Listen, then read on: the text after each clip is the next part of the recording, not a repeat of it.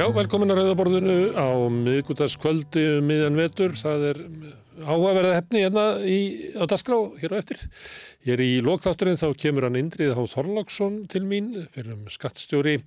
Eh, við ætlum að ræða um auðlindina okkar sem að var skýrsla sem að Svandi Sváðstóttir stóð fyrir að erði gerð og á henni byggðun uh, tilugur um breytingar á sjáurðustöfnunni sem að mér, eh, ég er svona nokkuð vissum að Indriða finnst vera litlar og, og kannski ekki ná utanum helsta ágrinningsefnið um kvotamálið sem er náttúrulega skipting á arðinum á auðlindunum, auðlindinni.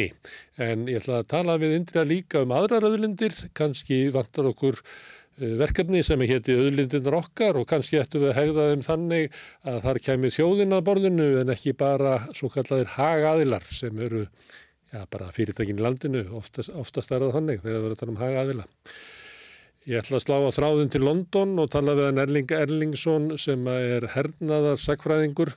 Ég ætla aðeins að fara með honum yfir ástandið á gasa sem er hillingur, reyna að átt okkur á því hvort það séu einhverja líkur á að þessu linni, hvaða er sem að Ísraels stjórn er að stefna að, hvort þú sé að ná markmiðun sínum sem að margir efast um að séu möguleg, að, að þeim munu ekki takast með þessu að eigða Hamas, heldur séu þvert á móti að styrkja Hamas með aðgjörðin sínum.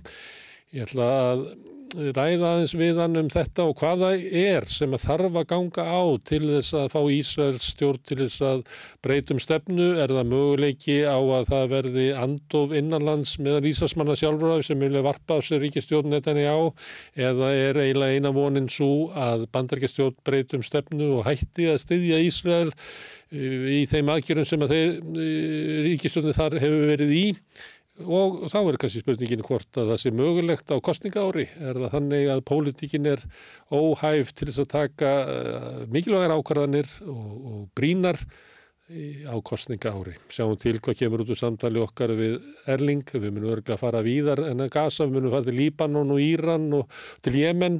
Og, og það er fróðulegt að fara með honum, hann hefur glögga sín á hernað, kannski öðruvísi heldur en við flest. Við erum með svona hálfgerð þema þessa vikuna, við erum að tala um hælisleitendur og innflytjandamál af gefnum tilefni. Bjarni Benediktsson gaf upp tónin á förstudagi fyrir viku, sentum kvöld, skrifaði hann fæslu á Facebook og síðan mætti hann í sil, Silfrið á Rúf og brindi ennfrekar að hann teldi að, að málefni hælisleitenda væru hér stjórnlausu ástandi og það þurfti að grípa til og tengdi það síðan aukinni glæpatíðni og veikum innviðum. Í dag eða í kvöld þá ætla ég að reyna að kanna það hvort að við fáum glöggar í sín á þessi mál með því að fá Jón Gunnarsson, þingmann sjálfstæðarflokksins og fyrirhandi dónsmálaráðara og Björn Levi Gunnarsson, þingmann Pírata til þess að, að, að já, kannski deila svolítið um þessi mál, þetta er svona eins konar debatt, þeir eru uh, sikkorum vagnum þarna niður á þingi, ég veit ekki hvort að þingi endur spekli almenning, veit ekki, en þeir eru ekki sammála, en sömuleiti eru þau kannski sammála og ég ætla að reyna bara að skilja það með svona klassísku debatti um hérna, hver er afstæði þeirra í reynd og hvernig þeir sjá að þetta mál verði leist, hvort að það verði þannig að, að að, að landsmennu verið bóðu upp á það að kjósa um hælisleitenda mál í næstu kostningum. Sjáum til hvað kemur út úr þessari tilun okkar að fá hér ólíka arma á þinginu til þess að tala saman við rauðaborðið því að rauðaborðið hefur ímsan tilgang einnig sá að draga hinga fólk með ólíkar skoðanir og fá að heyra rauk þeirra með og móti og við munum halda því áfram á morgun um sambarlega mál þá munum við tala um innflytjandamál við aðra sem eru með mjög ólíka afstöðu til þeirra mála. Þetta er prógramu okkar í kvöld, við tulum sem við bjóðum upp á. Ég minni á að samstöðinni samstagsverkefni okkar sem er búin til þætti hér, hérna megin myndaðlennar og hinna megin og gestana sem hinga að koma á ykkar sem eru að hlusta. Þeir geti hjálpað okkur við að byggja upp samstöðina með því að benda fólki á þætti sem ykkur finnst áhugaverðir og efni sem ykkur finnst eh, þess virði að aðrir kannski fylgis með. Þið getur sagt fólki að við erum á Facebook og YouTube og við erum á öllum hlaðvarsveitum bæði undir nafninu samstöðun þá fáum við alla þætti sem hér eru búin til en hver þáttur er líka með sitt eigið svæði á hlaðarsveitum. Við erum í útarpinu á höfuborgarsvæðinu, stór höfuborgarsvæðinu, alveg upp á Snæfellsnes og langt upp eftir borgarferðu upp að litlu kaffistu út á Reykjanest Tá.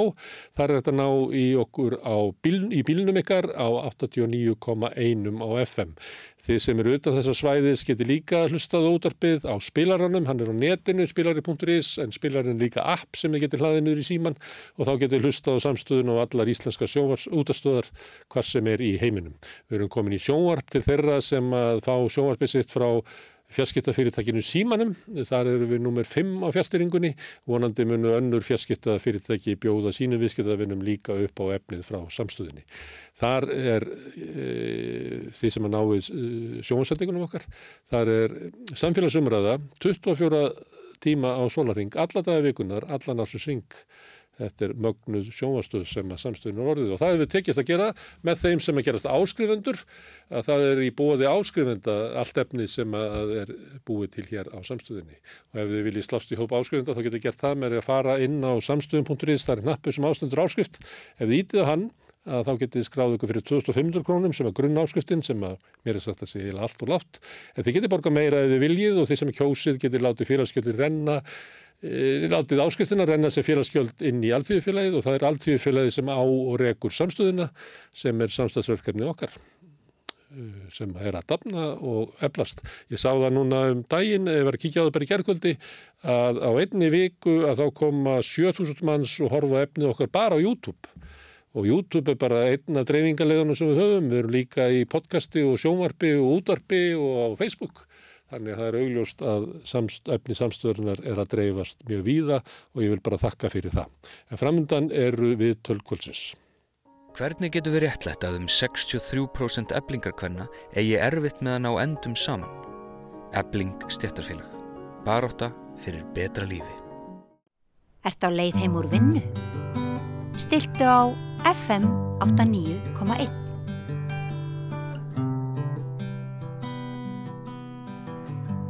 Já, herruðu, við ætlum að ræða um uh, málefni hælisleitenda og, og kannski innflytjenda líka eins og við höfum svolítið verið að gera núna í vikunni og hinga eru komnir uh, tveir þingmenn sem að kannski eru svona sikkur endin á uh, spektruminu þar nýra á þingi. Það er Jón Gunnarsson, þingmaður sjástarflokksins fyrir því dórsmálaróðra og Björn Levi Gunnarsson, uh, þingmaður Pírata. Þeir eru ekki bræður. Nei, nei. nei. Var flest Gunnarsbörnum hérna á síðasta þingi var sjö, minnum mig. Herðu, Jón, ef maður byrja þér uh, þú hefur gaggrind uh, stjórnleysi í þessum álum Já. Í hverju fælst það?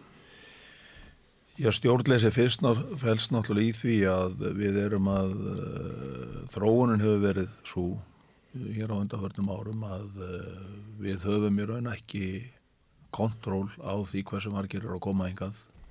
Við erum að búa við annað regluverk, lagavungverð og regluverk hér heldur en allstaðar annarstaðar í Evrópu og það leiðir á sér að við fáum hér miklu fleiri umsóknir heldur en nágranna þjóðir okkar og hlutvarslega flestar af öllum löndum Evrópu og uh, það er það kalla ég ákveði stjórnleysi þegar að þetta er með þeim hætti og er á þeirri skoðun að við þurfum að grýpa til rástafana í lagaðum hverju okkar og regluverki þannig að við séum bara á sama stað og aðrir í þessum öfnum mm. og uh, við bara sjáum það byrtast okkur uh, þessi erfileikar í þessum málum til að mynda bara í innviðum og skólakerfi og já sveitafélugum sem að hafa lagt hvað mest á sig til að taka mótu þessu fólki. Björn, er þetta stjórnleysi? Já, vissu leiti hérna, vissulega. Um, það er eitt sem er samt, við erum átt okkur á hans í þessu, umræðu að hérna, við getum ekkert stjórnaði hversu margir segja um. Það er bara einfallega þegar fólk kemur til landsins og þá má þannig sé hver sem er sækja um vernd. Það er ekkert sem að bannar neinum að gera slíkt og þá bara tekur við ákveðið stjórnsýslu ferli sem að hefur svona þróast að, að nokkru á undarförðum árum og eru skuldbundu því og getum ekki breytt í Já, já, ég menna það eru þessi tilæfilösu ums, umsóknum til dæmis sem að hafa orðið mun skilvirkarinn svona á, á, á undarförðum árum eftir að svona, var, var, var ákveðið högt í því. En þannig að það, það er mjög til dæra marklust að tala um sagt, fjölda umsókna þegar allt kemur til alls af því að við ráðum því ekkert hverjir sækja um vernd. Það er rauninni frekar svona, það er rúslega erfitt að bera saman tölunar í þessu að því að á milli landa þá er það mismundi skráð uh, hvort að það sé umsókn eða ekki uh, þegar það er tilheflaus umsókn eða ekki og það, það er bara rosalega erfitt að bera saman það tölur. Það meiri segja erfitt að bera það tölur saman þegar að fólk síðan fær vernd yfir leitt. Mm. Uh, hérna á Íslandi til dæmis eru við skráið palestínumenn sem palestínumenn en öðrum löndum til dæmis skráið sem ríkisfangslaus. Þannig að það er erfitt að bera saman þann hóp á milli landa. Það voruð að segja séu margir palestínumenn hérna en engin í hinlöndunum en við vitum það ekki. Þannig að svo er Úkræna, það er spísmyndi skráða mitt landa og það, það er mjög erfitt að fara Þú með tölur í efast um þessum. þessar fulleringar Jóns og, og reyndar Bjarnar Benediktssonar líka um að hér sé hlutastlegu fleiri sem eru að sækja um hæli heldur en á Norðurlótum. Ég tölunar allavega samkvæmt Eurostat segja, segja að það séu fleiri umsóknir en, en hver, hvernig það eru skráðar er ekki auðvelt að sannreina að það sé því að það getur vel verið að í þeim tilvikum það sem að fólk er snúið við bara nú leitni, hérna er útkomum frá Albaníu, hérna, sækjur um farinn, skráð sem umsókn hérna en ekki jafnvel í öðrum löndum. Það er ekki svona skráð sem umsókn af því að það var aðgjör sem til að við laust að koma aldrei inn í kerfið að bara farið. Og ef að þannig umsóknir voru skráðar á eins hátt í öllum löndum þá var ég kannski með eitthvað samanbörðarhæft.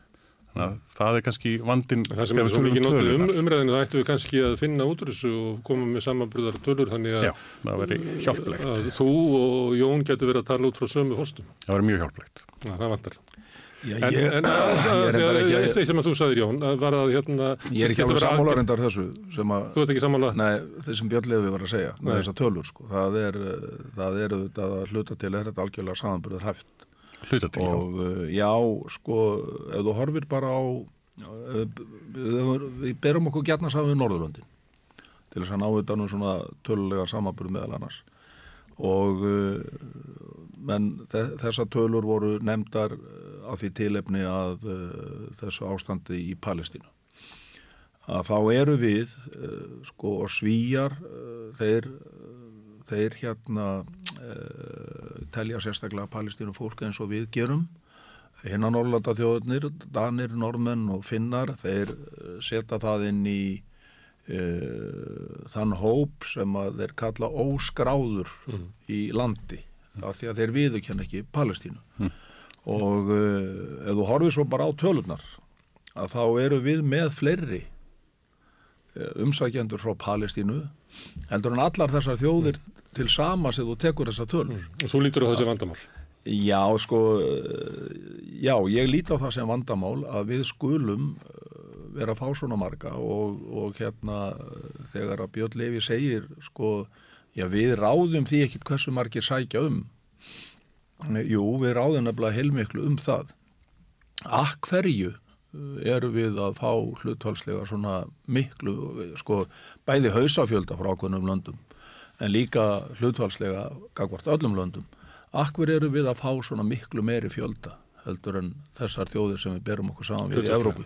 Það er einfallega vegna þess að regluverki því okkur virkar sem segull.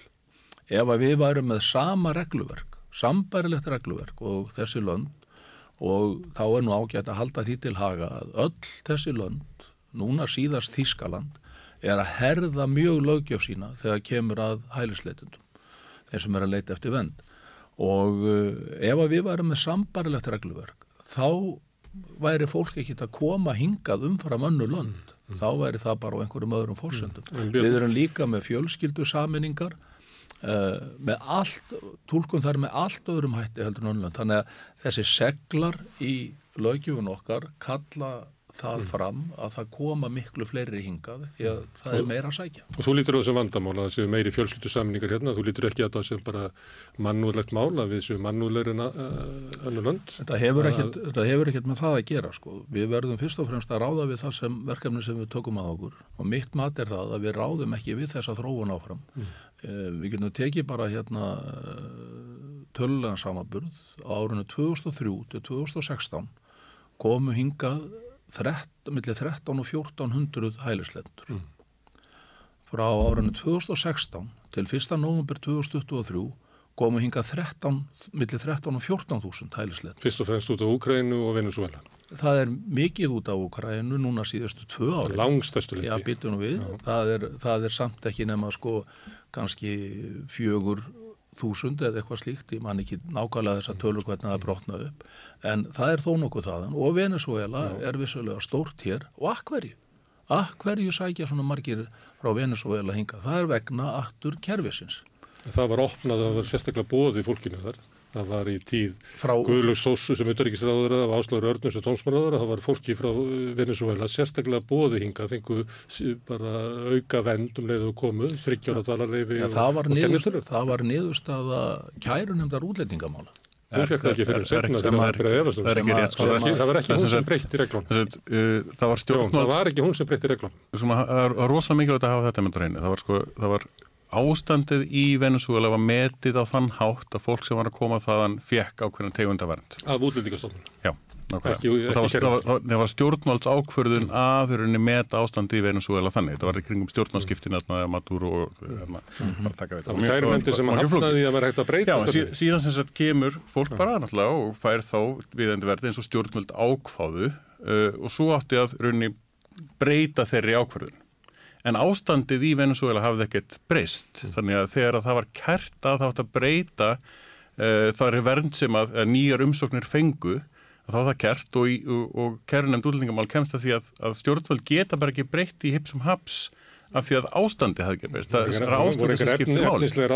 Já, það, var, það það var mat þeirra og þeir gáfu svo kallaða viðbótarvend sem að er miklu. Nei, þeir, þeir, þeir, þeir stoppuðu það að það væri tekið af þeim. Það hafði áður verið veit, veitt ég veit hvernig útlendingastofnun höndlaði það var ekki í sem að ástandi. stefnuna. Síðan mat útlendingastofnun það þannig að uh, ástandið hefði breyst í Venezuela sem það vissulega hefur gert og, uh, og hérna og uh, þá kemst úrskurðarnemdin sem að kom nú mörgum mjög óvart, hún kemst að þeirri niðurstöðu, hún er algjörlega sjálfstæð starfandi á hann aðkomu stjórnvalda og hún kemst að þeirri niðurstöðu að þeir eiga að hafa áfram viðbóta vend þannig bara eru við segullin sem að dregur hér þetta fólk alltaf síðan var látið farið í vinnu á uh, setni hluta árs 22 og fram á árið 23 við það að endur meta stöðun í Venezuela og það stóð nú til jafnvel að við sendum fólk kanga alveg sérstaklega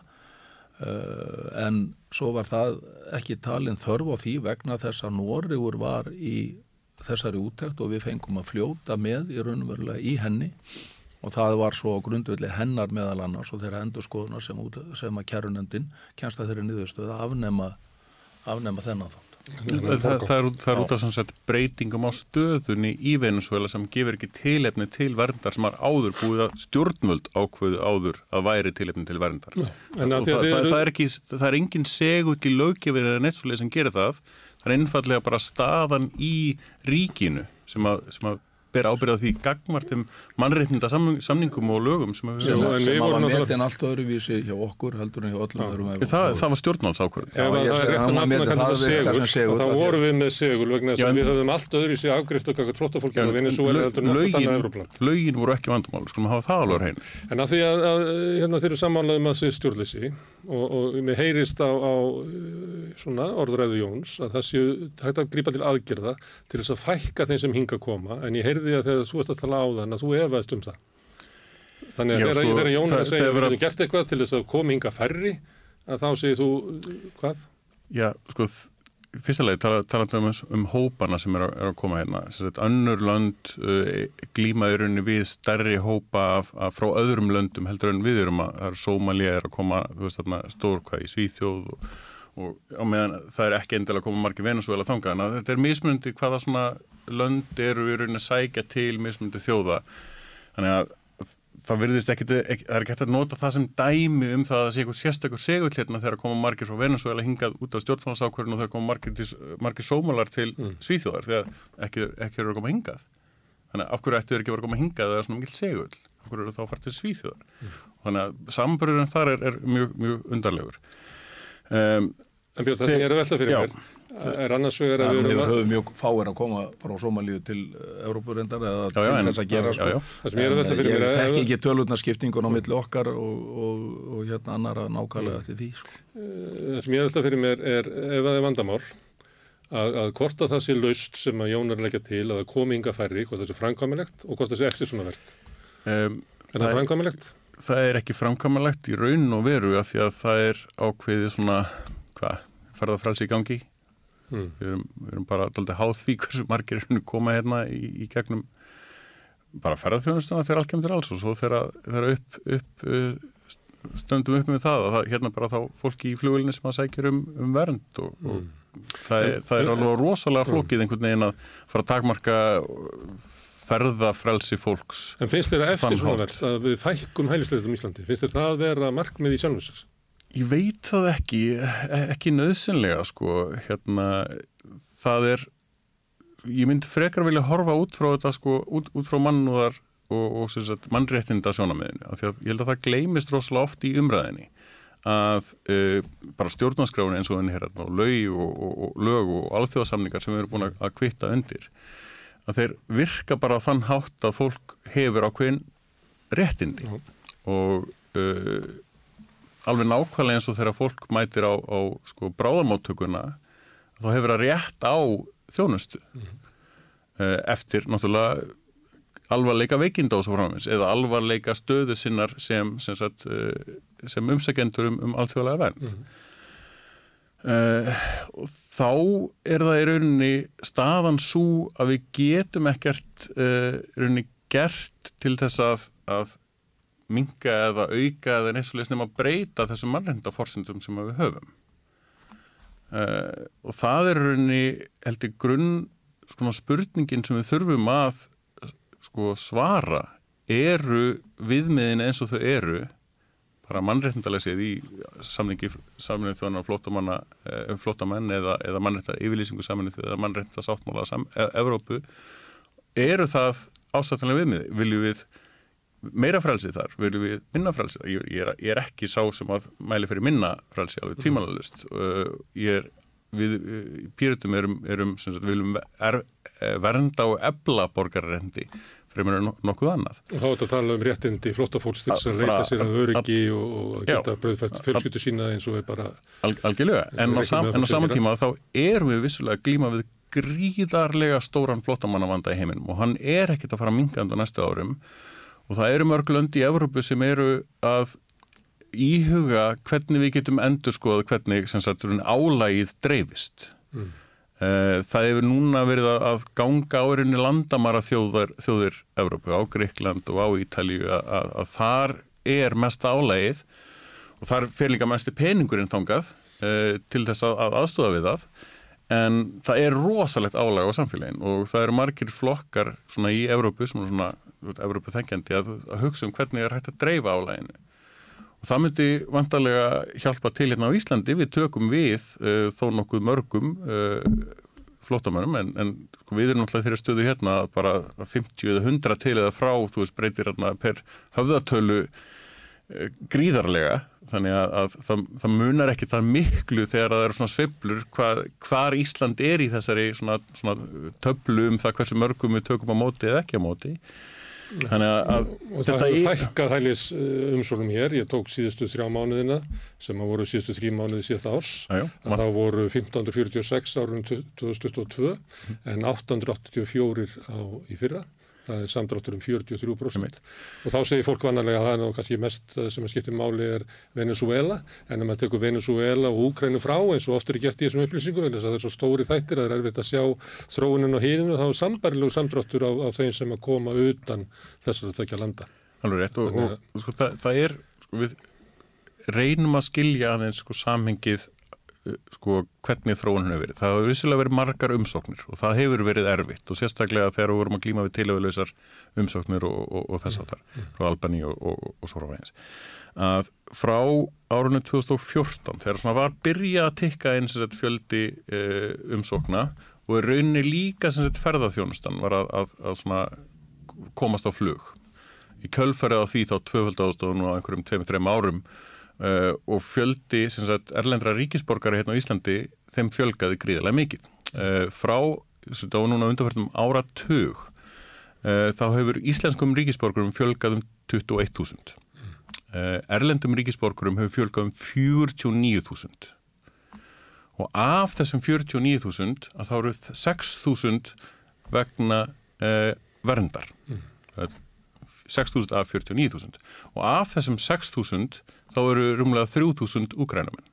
Þannig að hópurinn sem við erum að tala um, þegar við erum að horfa á, á fólki sem hefur fengið þetta vernd, þá eru það 3.000 af þessum 49.000 erlenduríkisborgum sem hafa fjölgað hérna um á, á landinu á undanferðum áratug. Og þetta veldur álægi og grunnkerfi. Já, en, en sko er, er álæði vegna þessara Já, 3.000 já, já. eða, eða 6.000 vegna Úkrænu sem sagt, eða vegna þessara 49.000? Við skulum ræða það, en Jón, ég ætla aðeins bara að á- taka með landamærin. Þú telur að vera eftir svona verð að, að fækka hælisleitundum hérna Já, í sjálfum sér já, sko vegna að þess að, að við ráðum ekki við það er það þá að við ráðum ekki við það út af hælisleitundakerfinu eða á grunnkjörum samfélagsins almennt sko ég hérna nú að segja sko eftir þessa löngu ræðu uh, Björns sko þá er ég nú litlu nærum það hver stefna pírata er í þessu málu nema þá að þeir vilja hreinlega bara opna landamærin sko að því að á grundvelli mannúða sjóna með það og það er út af fyrir bara virðingavert ég meina Takk fyrir að ekki vera orðið munn, sko, en nei. Auðvitað gætu við hérna haft bara hér opin landamæri og fólk kæmi hingað og, og við það tækja ekki við þeim neitt félagslegt kerfi heldur bara að væri þá að koma til að Ég upplýði ekki að það verið að segja þetta Nei, heldur að ég er við að ættum segja að það, hafa ég er að mannúða segja það. sjónamiðin til hliðsjónar líka. Það. Það er, það og- og- enginn og- sem er talar um og algjörlega Kannski- opin landamæri. kannski- kannski- ok. Þannig að hafa það á hreinu. Já, það er nú nálægt í samt nei, bara, nei, aftur, hérna- Nei, þannig að vinsamlega getum við talað um þetta ekki á þeim forsendum að það sé einhver hérna sem er að tala fyrir algjörlega opnum Er enginn var í stjórnmálum. þú vilt fækka hælisleitundum og telur þið hafa tæki til að gera það Já, ég ætla, ég ætla bara að segja sko út frá mannúða sjónamiðum og slíku sko, þá eru við aðilar að flóttamanna uh, sáttmála saminuð þjóðana Mm. sem að var komið á lakirnar uh, í kjölfar setna, setni heimstyreldarinnar og það er sennilega einhver fallegasti sáttmáli saminuð þjóðana og hann snýr um það að, að þjóðir heims eru gangast auðvitað skuldbyttingu það að, uh, að veita fólki skjól þar sem að um er að ræða fólk sem er að flýja hörmungar, uh, stríð, Nei, þar sem að líf og limir þessi eru í hættu. Og, uh, og hérna það ber að slá varstöðu um þennan sáttmála og vinna sangvant honum. Þannig að sko þegar að verið er að tala um uh, þegar við erum að tala um hennar fjölda sem er að koma til landsins uh, til að vinna og blanda því saman við flóttamenn að þá erum við svolítið að blanda saman epli og appi sínum.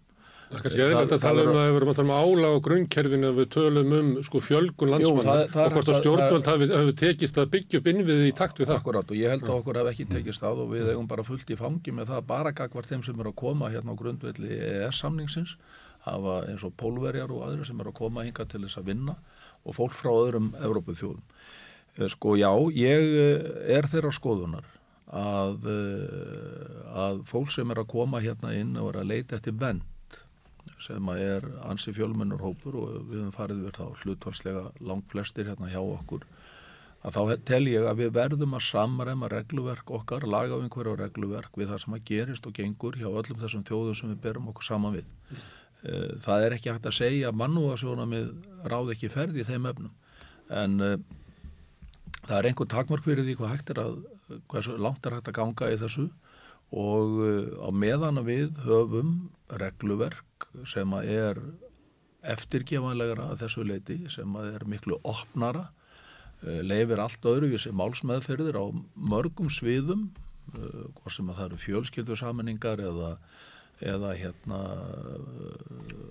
að fá málsmeðferðina hversu langan tíma þetta tekur hjá okkur, kæruleiðir mjög kostnaðarsamt fyrir samfélagið, þetta ferli jáfnvel þó að stærsti hlutin fái síðan sko höfnun.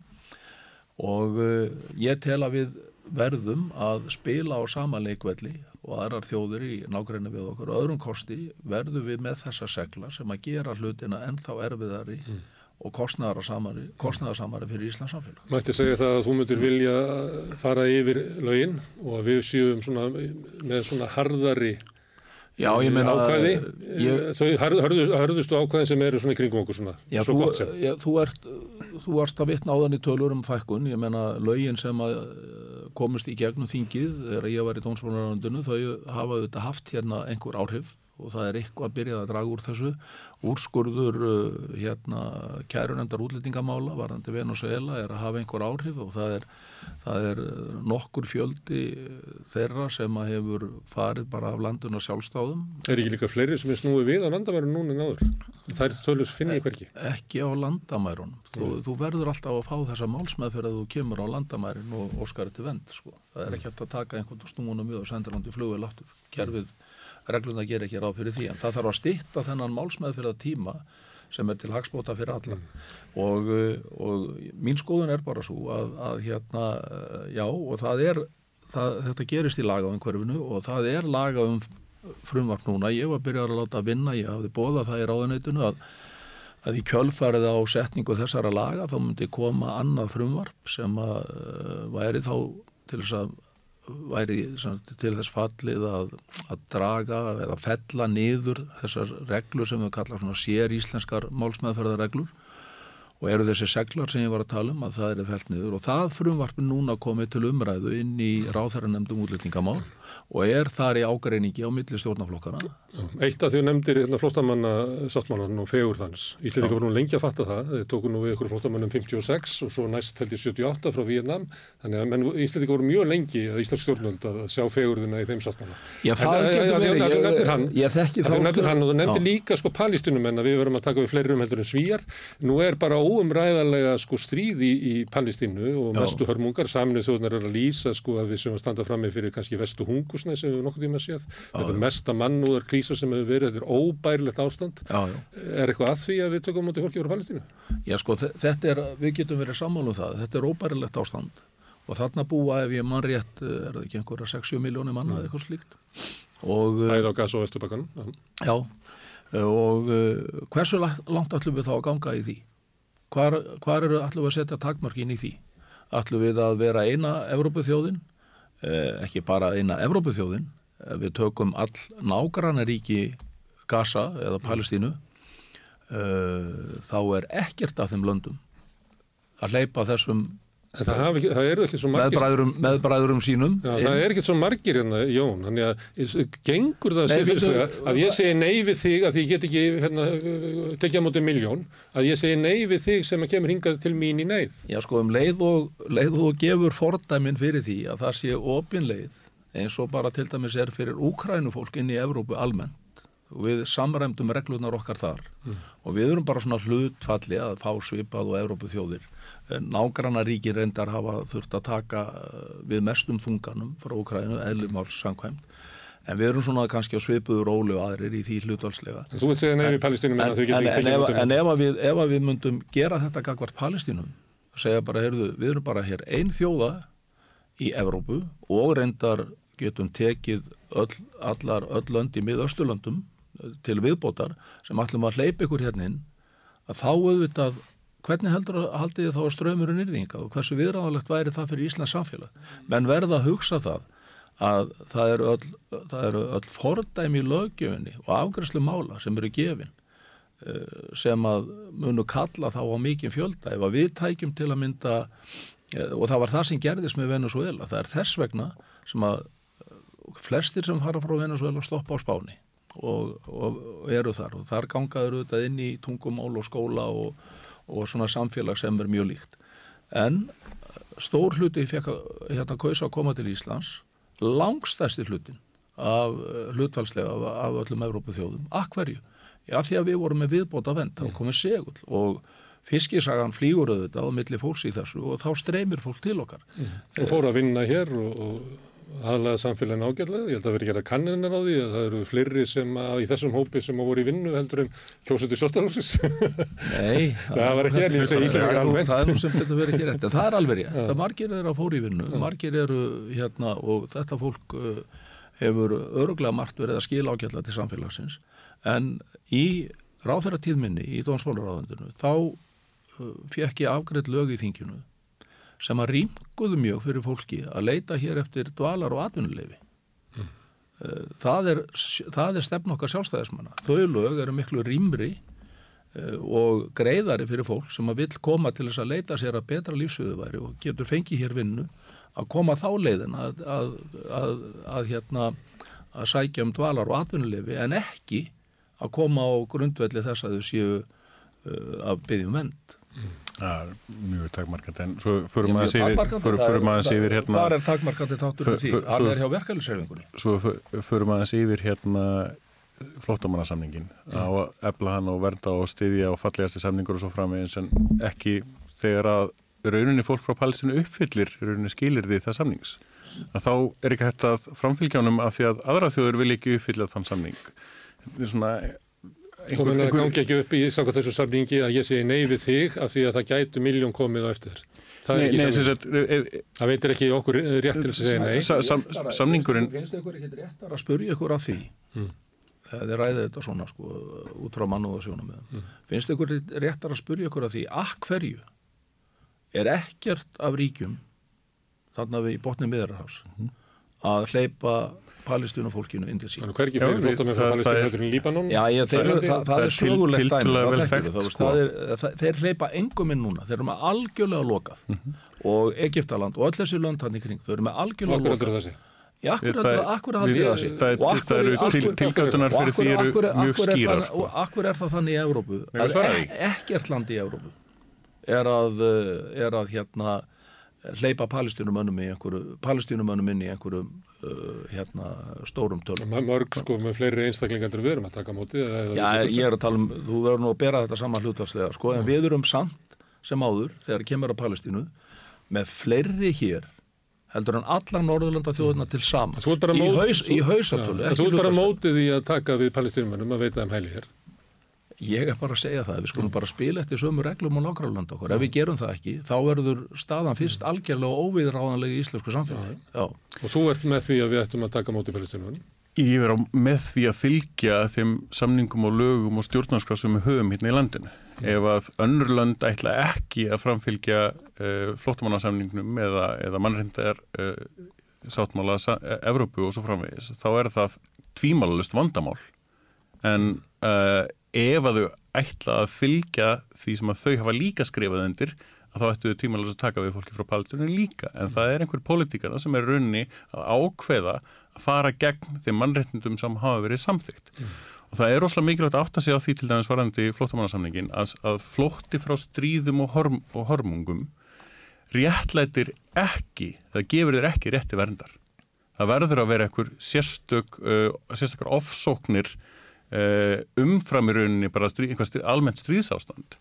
Uh, Palestinumenn eru tvímanlust í því uh, þeirri, þeim aðstöðum það er verið að ofsækja þá í rauninni sérstaklega af Ísraelsmennum og ástæðan fyrir því að löndin þarna í kring er ekki að, að uh, rauninni hleypa palestinumennum yfir Það er heia mál fyrir stríðsklæpættur um þessi þjóðamort, það sem að er raunverulega... mjög skiljanlega. Já, annar en lítur á hinn sem fyrir réttur því að... að, Og, að, að, er einhver svo mig í því? Nei. Nei, Við en er ykkur Evrópu þá Við- við ættum að vera það. þáttakandi í því að taka til varna með Ísraelsmönnum í því, þeirri deilu fyrir mannutjónstól Hmm. er það? Já, það eru nokkrar Evrópu þjóðir sem hafa stempla sinn til að standa við bakið á Ísraelsmönnum í þeim, fyrir þeim dómstóli og, uh, og hérna en enginn þeirra hefur tekið að sér að, að setjast til borðs með Suður Afríku í þessu máli.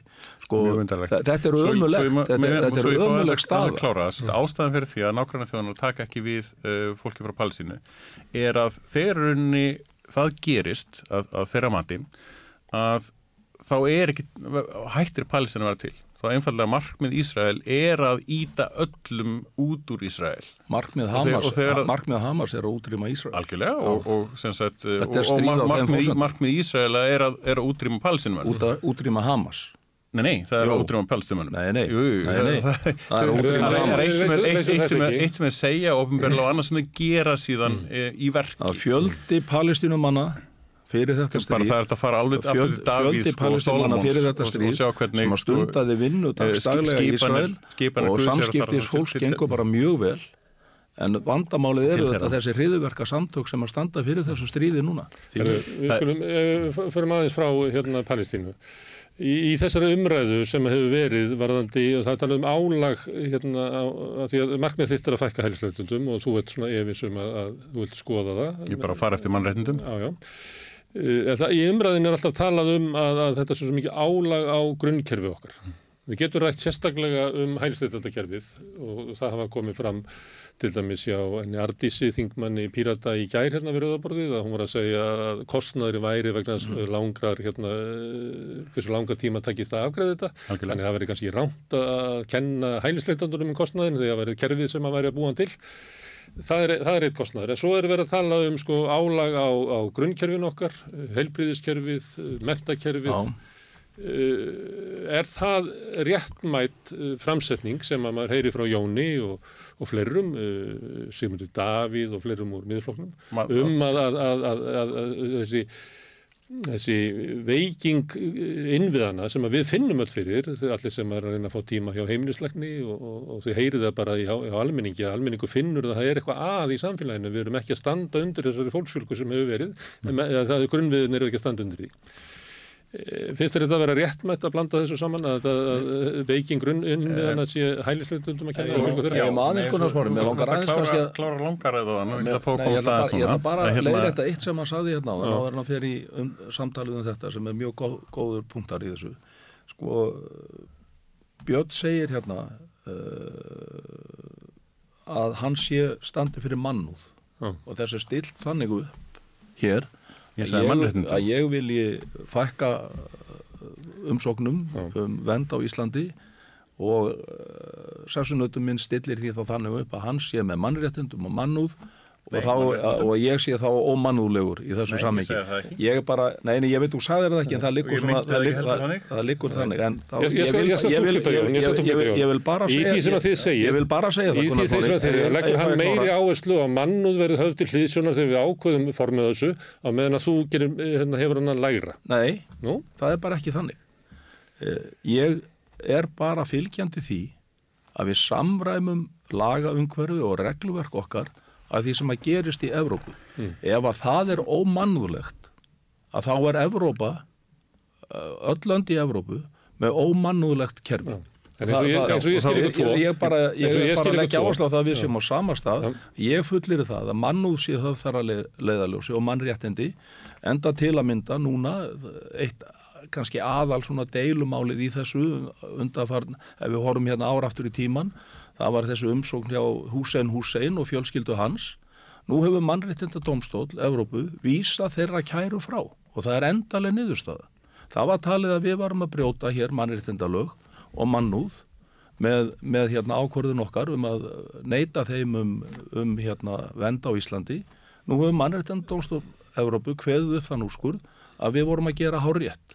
Og það er þetta sem ég vil hafa leiðaljósi að við séum bara sama leikvellu og aðrir sem að ég trúi að hafi mannréttindi og mannúða leiðaljósi í sínum, í sínum ja. regluverk. Já, eins og ég skil þá er þetta eins og þú ert að segja að þú vilt hérna e, samræma reglunar eins og er í Evrópu að því gefnu þá að Evrópa fari Þá til mann og sama með hingað. sama með skrýðskapardómstólinn að þú gerir minna úr því að því það er ekki Evrópu þjóður sem að styðja kröfu palestínumanna það sem að Björn er að segja, hann er til í að fara að skoða hvernig reglunar er að vera en hann vil hafa svona, taka sjálfstæða mannúða afstöðu til hverja hluta. Eins og ég skil ykkur bara munin á okkur og það er bara, Sko, ég- ég- ég bara allt í vil- lagi þessi með þessa Já, ég, ég, ég vil að, að, að, sko. að, að línan sé dregin við það, það sem að hún er sett samkvæmt mannreitnindum og mannreinda ákvæðum uh, sáttmála Evrópu, stjórnarskrarun okkar flótamannasamningi Ég held að Hussein, Hussein máli síni það bara, við erum að gera það, það, það, sko. það, það er línan sem að við, við viljum að sé haldið í. En álagi á grunnkerfin er, er, og það er það sem er talað um að þessi púðutunna að það svolítið í þessu að það sé verið að, að,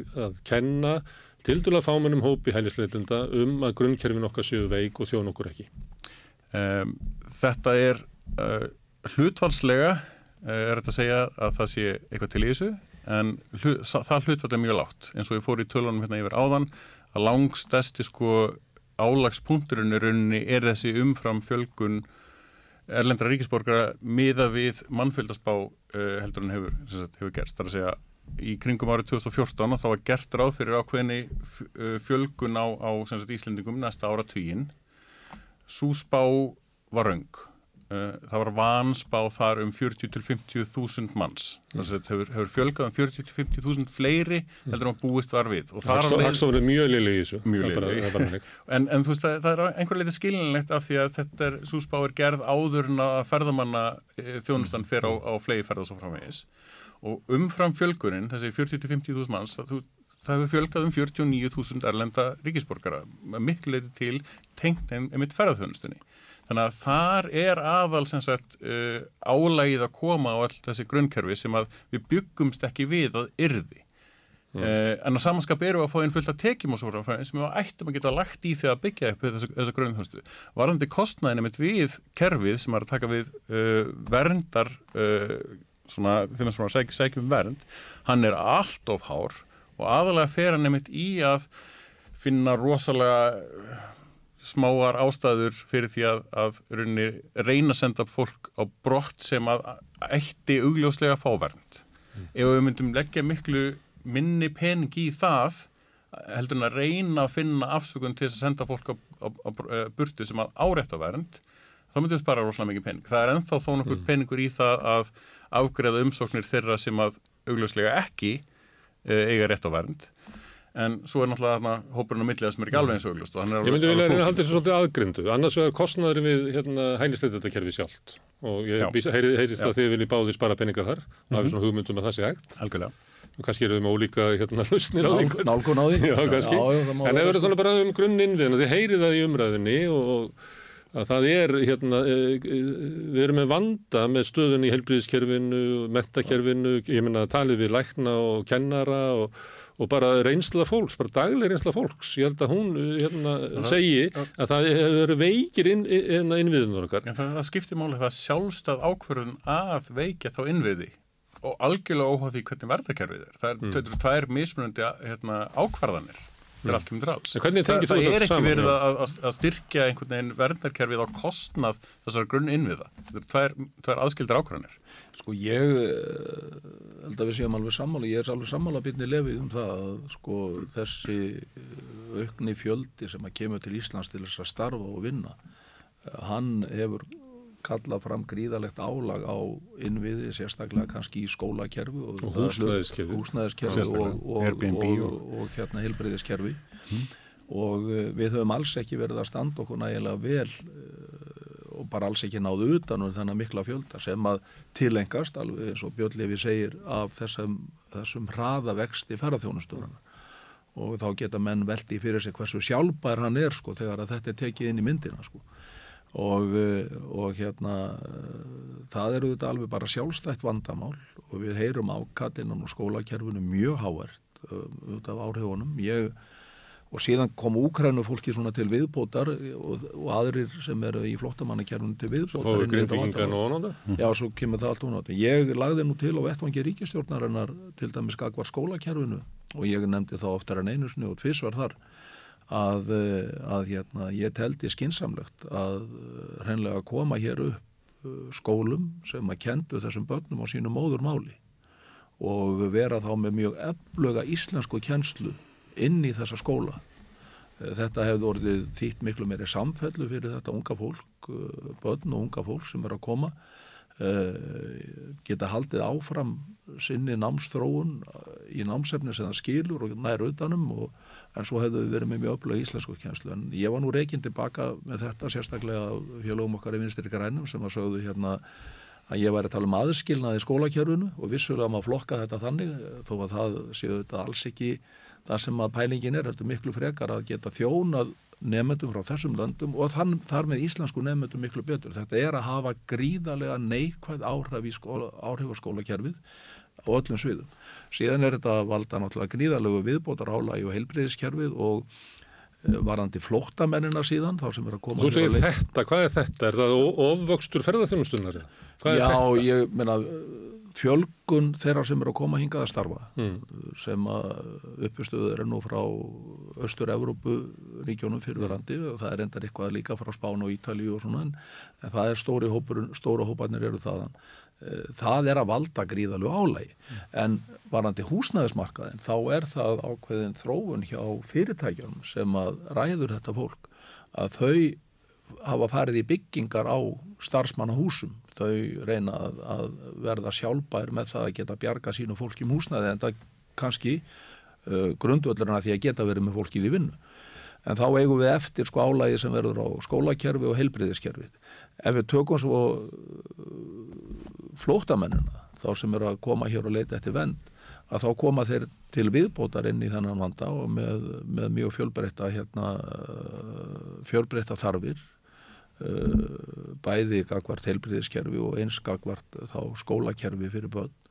Og við vitum það bara að þessir innviður eru víða bæði hér í Reykjavík, í ákveðnum skólum, ákveðnum hverfum, í Hafnafyrði, í Ásöðunessum er þetta orðið nánast óviðráðanlegt ástand. Og uh, fulltrúar þessara sveitafélag var sagt bara hingaðu ekki lengra og ég hlustaði á kennara úr Östubæjaskólan og tala um daginn og þetta á við fleiri hverfi og skóla á höfuborgarsvæðinu sem að saði bara þau var að bugast yfir þessu álægi og, og bara börnin sem eru með íslensku sem tungumál og að þau eru bara orðin út undan út af þessu álægi Þetta eru þetta eitthvað sem við þurfum að bregðast við að mikillu hörk og það er, það er mikil undir í því vegna þess að það eru þetta stórhættuleg þróun að uh, við skulum ekki ná utanum unga fólkið sem er að koma með fóröldru sínum hérna sem er að fara að vinna hér og er að eru að uh, koma hér í nöðsölu störf fyrir Íslands samfélag og vilja verað íslenski borgarar og aðlægast íslensku samfélagi að við skulum ekki ná utan um það að, að geta kent þessu börnum sómarsamlega mm. það eru þetta ákveðin hætt Það er eitthvað fyrirhyggjuleysi stjórnvalda sem að mæta ekki sko, já, sko breytingum já. og er ekki þá svolítið ósangjönd að taka sko af þessum öllum hópi þá erum við hælisleitunda hérna, svo tökum við Úgrænu frá og þá erum við komið bara til dæla lítinn hóp sem að dregst inn í umræðu um veikingu grunnin ég menna það ná sinn þátt í því. Það er ekki þetta að neyta því og meðan álægið er svona mikið sem við eigum fullt í fangi með að höndla og menn geta sagt að stjórnvöld sé ekki að standa sig sko. En, en fjölgunin er náttúrulega svo opbóslega röð og skömmum tíma sem enginn er verið að, og það er vissulega verið að gera það og það er verið að setja fjármagn í þetta og það er verið að móta stefnur og reyna, reyna að mæta þessu álægi. Ég tel að það hefur verið betra að gera það með þessum svo kallaða aðskilnaði í mentakerfinu. Það hefur verið öllum hagfældara og skila betri árangu hvort öllum. En þetta er leiðin sem við erum að fara enn sem komið er.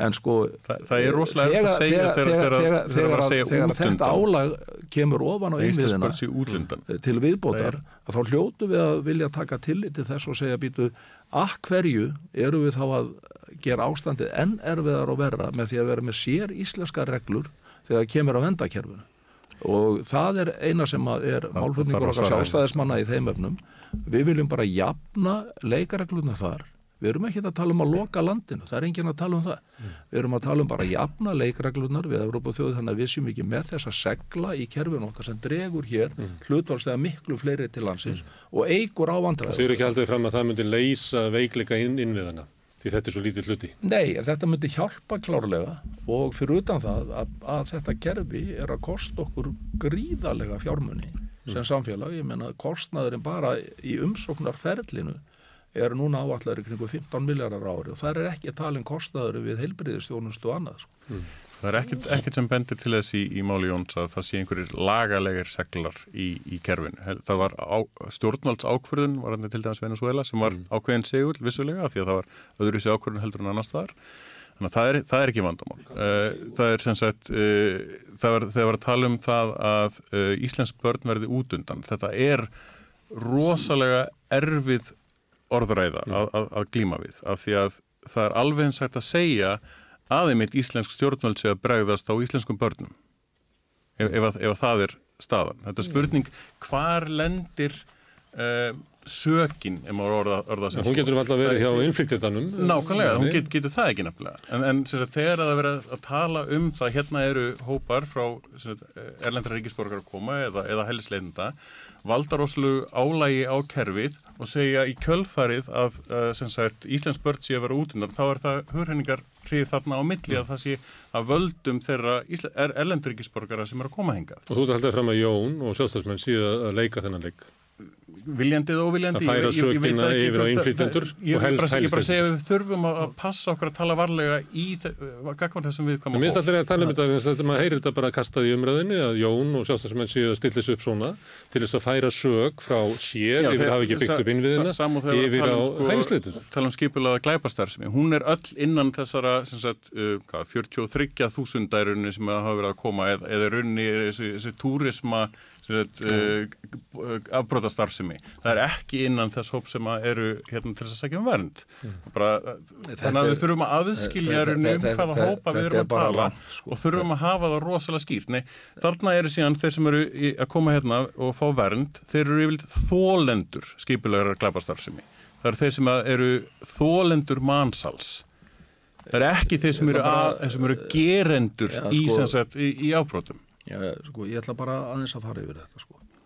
Það er bara þannig að ég satt nú uh, nokkuð marga fundi með landamæra ráðherrum, það er svolítið mismunandi hvað þeir eru kallað, dónsmála ráðherra, innveða ráðherra, hvað það er eftir löndum uh, á vettvangi sengen samstafsins og það eru bara gríðarlegar áhyggjur hjá öllum Evrópulöndum um að það og það er staðrind að það er verið að misnota vendakerfið Hverjir eru að misnúta verðarkerfið?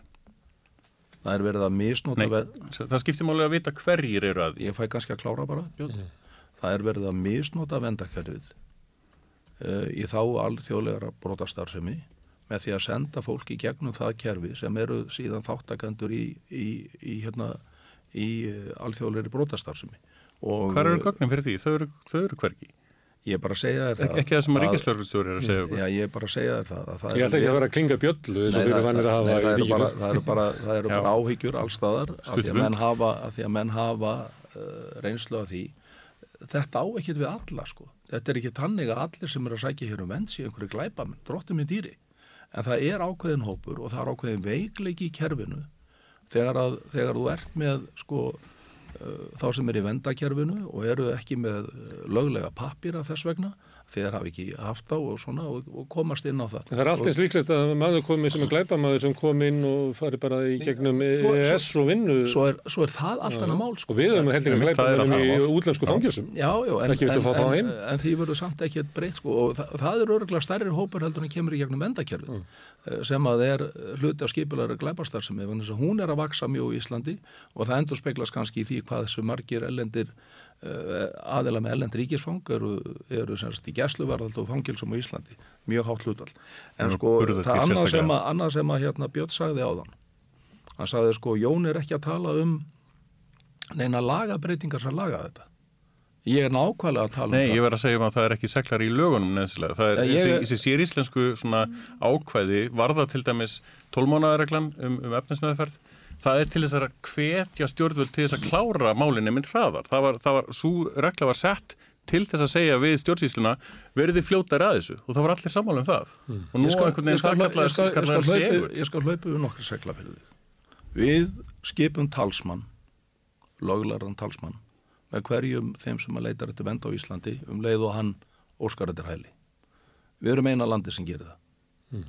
Önnur land gera þetta ekki fyrir hann á kærustí. Mm. Þessu fylgir mikill kostnaður og miklu lengri málsmeðferða tími, þannig að það er komið lögfræðingur sem er, er þarna til staðar. Um, Við erum líka með sér íslenska reglu sem er ekki að finna sambarilega runda þá er í lögjöf annars ára Norrlóndunum þar sem að við tökum umsóknir einstaklinga um alþjóðlavend til efnislegar meðferðar á grundvelli laga um sérstök tengsl og sérstakar aðstæður sérstök tengsl við Ísland og sérstakar aðstæður þetta er, þetta er alveg sér íslenska reglur sem við vinnum eftir Til hluti af því sem og, og, við, við, erum, við, erum að, við erum í þessum tillögum sem að núna leggja inn í ráþæra nefndum útlýtingamál að þá er uh, feldbrott regla sem heimar veiting dvala lifis á grundvelli mannúðasjónum eða hafi útlendingur ekki fengið niðurstöði máli sín og stjólsýðusti inn á lögbundu tímamarka. Við erum eina landi sem er með þetta. til þess að hvetja það að stjórnvöld klári fyrr. Já, já, ég meina að við erum eina landi sem er með þetta, Já, já, þessa sér íslensku reglu. Algjörlega, en þetta er regla til þess að, að reka á eftir stjórnvöld. Já, já, ég meina... Sem að við eru erum- með, með sérinslæri reglu og við erum með í þessu En lagaumhverfi. maður orða þetta þannig að þið hafi breytt lögunum til þess að flýta efnismeðferðinni, hafa kvata útlendingastofnun ágreita hraðar, en henni er ekki tekist að gera það. Já, sko, Þannig að kannski er þetta ekki við- lagalegt að að, lesa upp hérna nokkra sér íslenskar reglur og þær eru fleiri sem við getum haldið hér áfram með það en, en við erum með fleiri svona segla sem eru kallaði seglar í kjærfinu og, uh, Kalla þá og, hérna, og, og þeir leiða síðan til þess að Líka málsmeðferðatímin verður miklu lengri og vítakari hjá okkur af því að það eru miklu fleiri sjónamir sem það er að taka tillit til.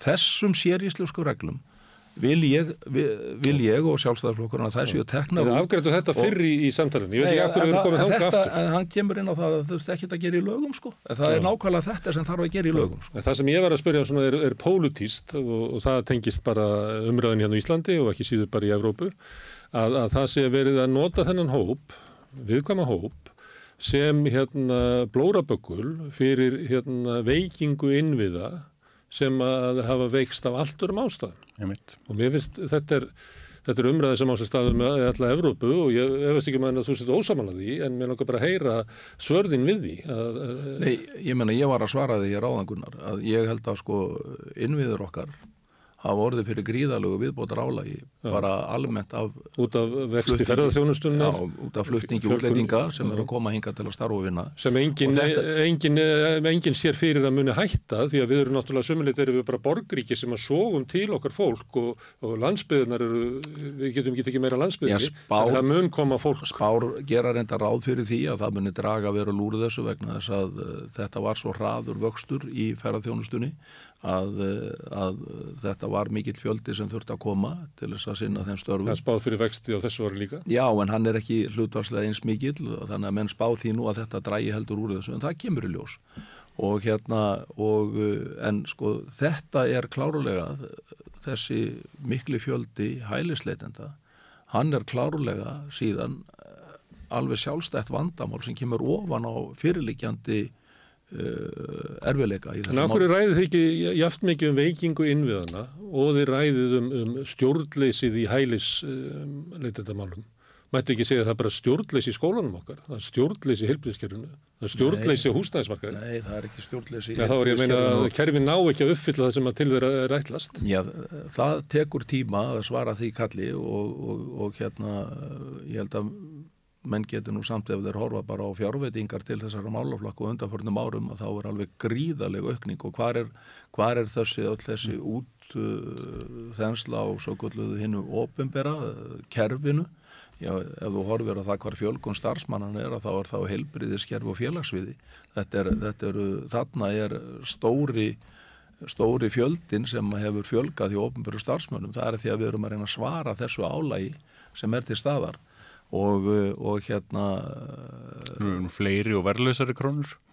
og hérna við erum uh, síðan með þetta innflytjandamál sem alveg sjálfstætt vandamál sem kemur ofan á þetta mikla álag sem er fyrir hendi og, og ég meina uh, það er ekki hægt að horfa fram hjá því og þá er svar okkar við því, já, herðu við skulum sko að minnstakosti ekki vera hér með einhverja búa til einhverju umfram eftirspurn á þeim vettfangi, það er grundvallar aðrið Starðvandans er aðalega mitt í aukinu vöxt. Þetta máli komið svona inn í miðju íslenska stjórnmála. Já, húsnæðaskólinn, Þetta fullir það. Þetta máli komið inn í miðju Európska á stjórnmála. Stjórnmála. Og, og, og hérna, þið sittið á þingi.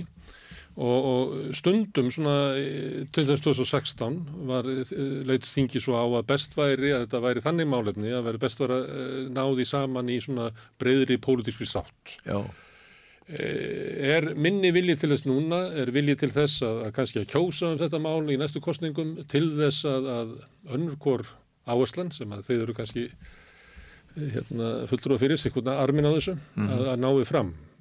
Hvað segir það? Þá er ég bara að velta fyrir mig getu þingsins og hérna, stjórnmálana til þess að, að leysa þetta mál svo að einhver sómi sig af. Ef, ef við erum í alvörunni sammálum það sem er, í, mér heyrist í þessari, þessari umræðu hérna að viðmiði séu þau mannréttindi sem við höfum sett samkvæmt flóttamannasamningnum mannréttinda uh, uh, Európu og, og þess áttar. Ef það er viðmiðið þá erum við í raun og veru sammála þegar allt kemur til alls og þá er bara spurningum framkvæmt. Og það, mm. það er streiki sem við þurfum að, að, að hugsa. Erum við að uppfylla þau mannréttindi sem við erum búin að kvitta upp á og eru stjórnarskrá eh, eða ekki?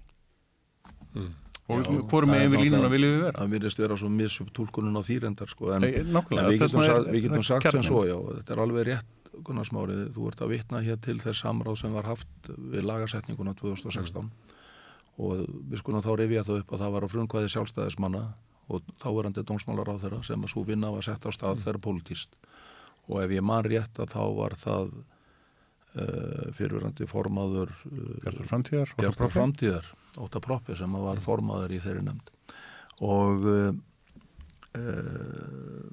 þá ætla ég bara að rifja upp tölurna sem ég fór með hérna fyrir ykkur á það sko. Þú ert ekki hrifin að þeirri niðurstu sem á til því. 2003 Mm. til 2016 voru hér 1380 umsóknir í Marjett um vend frá árinu 2016 til 1. november 2023 voru það um 13.500 þessi vinna fór fram í allt örum veruleika heldur en blasir við okkur í dag. Og þá segir Björn Levi já, við eigum að geta náð saman á þeim grundvelli að við túlkum mannréttindi uh, bæði í íslenskri stjórnarskrá og þá fyrir uh, mannréttinda domstólnum og gagvart flott, flottamannarsamningi saminuðu þjóðana að við túlkum þau og höfum þau sem grunninn að við tæku pólitísku samkommulagi og ég get verið alveg sammála því. En það er bara svo misjænt hvernig menn túlka þetta. Og það er kannski ágreiningurinn. Við Þið vinnum við það að, að, Já, að finna, Já, finna, að finna rétta túlkun. Aftur vil ég bara taka hér uh, málefni Hussein Hussein og fjölskyldu. Það sem við vorum auðvitað sökuðum mannréttindabrótt og útrópuð sem slík. En nú er mannréttindadónstóll Evrópu búin að fara yfir það mál og túlka Það það. er fjölskyldunar, ekki hans. uh, Jú, hans líka. Já, já. og búin að túlka það með þeim hætti og það er endaleg niðurstaða að uh, við vorum ekki að brjóta mannréttinda á þeim einstaklingi. Uh, en vængurinn hvort sem að það er Artís Anna eða einhverjar aðrir í pýrutum og fleiri á þingi útrópuð okkur í þessu máli þannig að þarna liggur kannski hundurinn grafin að það er þessi misjafna túlkun og ég tel og er þeirra skoðunar að Evrópu þjóðir almennt hafi mannréttindi og flóttamannarsamning saminuðu þjóðana sem grundvöld að sínu regluverki og lögum í þessu málum og það er eina sem við sjálfstæðismenn erum að leggja áherslu á að það er að við förum þangað. Þú Að að að sam- þessu út til annara stjórnvalda, jáfnvel til Marréttindandómstasins. Það er náttúrulega Ísland, Íslandika tapa nú yfirleitt alltaf þar. Þannig að ég býstu að þú takir ekki tap uh, dómana og flaggir þeim. Það eru mann- Jú, þeim jú, jú, ég gerir það líka en, en ég bara landsréttarmála segja til sko, málinu var skotið þangað og það fór svona. Það var nú bara einhver nefnd ég bara, ég bara einhver nefndi og nú heitir orðið það sko Nei, það var, það var, en, hérna, nú, ég það bara bara ráðherrar eina, sjónamið okkar í þessu er nefnd. það að við skulum bara vera á sama stað og nágrannar þjóður okkar við skulum vera að spila á sama leikvelli og taka þar með út úr íslenskri lögjöf þessar segla sem ég fór nú hér yfir nokkra áðan og þeir eru fleiri. Eh, ég nefndi ekki fjölskyldu sammenningar til að mynda. Eh, þær eru ekki til umræðu með sama hætti og hér á Norðurlöndum. Þar verður að vera búin að við í Danmörku þess verður að vera búin að búa í Danmörku í tvö ár þú getur ekki sótt um fjölskyldu sammenningu fyrir fólk sem að er ellendist, það verður að koma á staðin sjálft og skettur þessu, það eru alls konar svona reglur sem við erum með allt öðruvísi heldur en þessar þjóðir sem að kalla yfir okkur miklu meiri fjölda og það er það sem að við viljum stemma stigu við, ekkert annað. En ég er að spyrja hvort það sé möguleiki eða sé á borðinu einhver svona þverrpólitísk lausn trátt fyrir að þú hefur ekki verið góða reynslu af 2016 eða er þetta mál sem að hendar til þess að vera inn í kostningabaróttu eh, eins og hefur verið í Evrópu? Ég held að sko þegar þú segir að ég hef ekki góða reynsla 2016 sko því ég var að nefna á þann hver ástæðan er fyrir það því breytist sko, best. Gríðarlega breyting. Formið sem Forse- að var forsendu- sett, já. það eru forsendu breytingar. Og, hérna og uh, já ég held að sko ég held að það sé erfitt í dag á alþingi að ná þverrpolítiskri samstöðum um þessi mál. Það er bara nánast óyfirstæðlegt á vettvangi ríkistjórnar en eins og hún er skipuð í dag. Og þetta Og sé var- mál sem að þú myndir ég, vera aðkallandi. ég fór í gegn með málið Já. eh, lögin lagabreitingunni fyrra og, og eftir mikið þref og, og hérna á endanum eitthvað samkómalega við VFG þar sem að urðum að á endanum að taka út ákveðin ákveði sem þú voru þó búin að skrifa undir og lofa mér að þau myndu samþykja. Núna er inn í ráþæranemdini þesta, þessi, þetta laga frumvar sem að er miðar að því að taka út þessar sér íslenska reglur og það kemst ekki út úr ráþæranemdini vegna inn í ríkistjórn og það út úr henni. Og þú til þetta að vera mikilvægt mál þannig að þá, eh, þá þarf að vera koma bara nýr meiritu alþingi til þess að, að koma með nýja stefni og þú til þetta mál henda mjög vel í kostningabartu Þa- Þess vegna held ég að þetta mál geti óhjákvæmilega orðið eitt af kostningamálum hér eins og allstaðar annar staðar í Evrópu og þar höfum við nú séð gríðalegar afstöðu breytingar verða í, í hérna uh, hjá ákveðnum stjórnmálaöflum. Það er næriðtakast að taka þar uh, samfylkinguna í Danmörku sem að rekur orðið hörðustu innflytjandastefnu á Norðurlöndum. Uh, flokkurinn sem áður leiti uh, þessa innflytjandastefnu, það er sama að var í Svíþjóð. Svíþjóða, hérna, sósialistarnir eru núna að að uh, reyna að þósi svolítið af þessari stefnu, það er ágreiningunir í þingjunni í Svíþjóð, hverjum erum að kenna þeir eru komnið þangað? Mm. þeir óneitalega voru í fórustu í mjög langan tíma og, og ber ábyrð á þessu máli og menn er reyna að endur skrifa söguna. En þessi flokkar eru allir. Mm. þessi sósialdemokratísku flokkar sem að höfðu stýrt þessum málum og bera nokkra ábyrð þeir eru á Norðurlöndum allir að snúa við bladi og ég heyr hún ekki betur en að sá tótt sér farin að kveða en sviðin á samfélkingaruna líka. Já, sömum þingmennum Já, formanir líka sko, Kosið um þessi mál, Björn Levi? Ég vonandi verður allavega kosið um þau mál með tilliti til sko mannrindar sjónamiða og, og ef við höldum umræðinni grundvalladari á mannréttinda fókus þá held ég að við getum komist að sameilegri neðstu. Hver síðan útfarslan verður á því Það verður alltaf kannski aðeins lókið. Það var ef við vangrið á þinginu, en ef þetta er kosið um þetta í kostningum að þá mun Jón koma bara með sína línu og þú þínu. Já, en, en þess vegna myndi ég vilja reyna að halda umræðinni á með honum til að byrja með.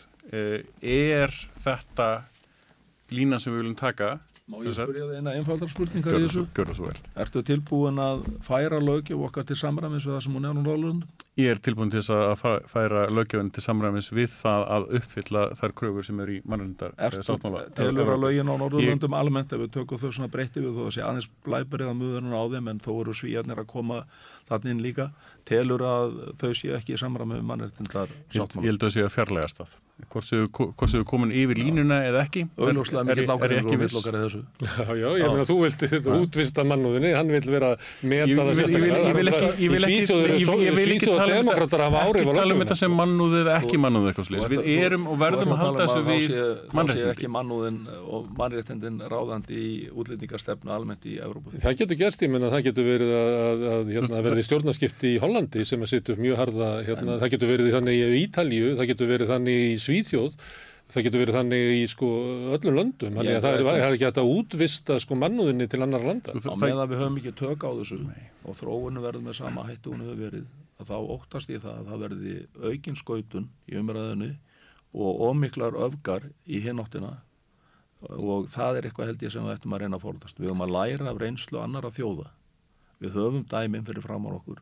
Við höfum dæminn sem að sín okkur hver þróunni getur verið ef að hérna við bregðumst ekki við og við sjáum og þú upplifir að Evrópa sé bara að fallandi fæti já, út af þessu málum ja, það er ástæður þess að pólitíkin er farin að snúast meira um þetta En, en lítur þú svo á að Evrópa sé í, bara í hættu út af hérna, fjölda innflytjandi í Evrópa? Ég sagði það ekki sko. Nei. Nei, ég er að segja það að það ástæðan fyrir því að þetta er orðið að pólitísku hittamáli um alla Evrópu er það að mönnum finnst lögjum hafa verið frálsleg og öll lönd er að bregðast við og Evrópusamband er endar á sínu vettfangi að styrkja stóðinar í að geta sko dreyið úr þessum ströymi mjög mikið. Það, eru, það var eiginlega sögulegt samkómulag núna bara í vetur á vettvangi Európa-sambandsins og það snýr alltaf þessu saman. Mm grundvöldurinn eru mannrindar sjónamiðin mm. ekki, eh, skulum ekki tala um mannúð eða ómannúð eða eitthvað mannrindar sjónamiðin eru þetta grundvöldur okkur líka. Herðu, þið eru í vinnu sem þingmenn og þið eru að fara neyru og þinga að vinna sko, þingflóksundur er byrjað og takk fyrir að koma hingað og ræða þessi mál. Við höldum áfram að ræða innflytjandamál hér við rauðaborðið áfram en snúum núna snúum okkur á næsta kapla Félagar og forvitnir eru velkomnir í Sósilista kaffið alla lögadaga í bólólti 6 kl. 11.30 Tökum pásu frá kapitalíska hversteginum og njótum góðra stunda með félögum okkar. Hvernig getur við réttlætt að helmingur eblingakvönna býr við slæma andlega heilsu? Ebling stjættarfélag. Baróta fyrir betra lífi. Samstöðin er í eigu hlustenda, áhorfenda og lesenda.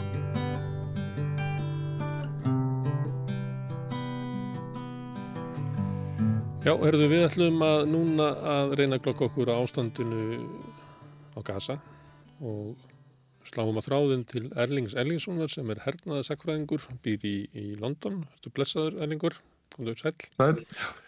Herðu, ef, að, ef þú gæti gefa okkur eitthvað mynd af ástandinu sem er þarna og kannski hvað er það sem að Ísraels stjórn og Ísraelski herin ætla sér og, og hversu lengi mun þetta ástand vara?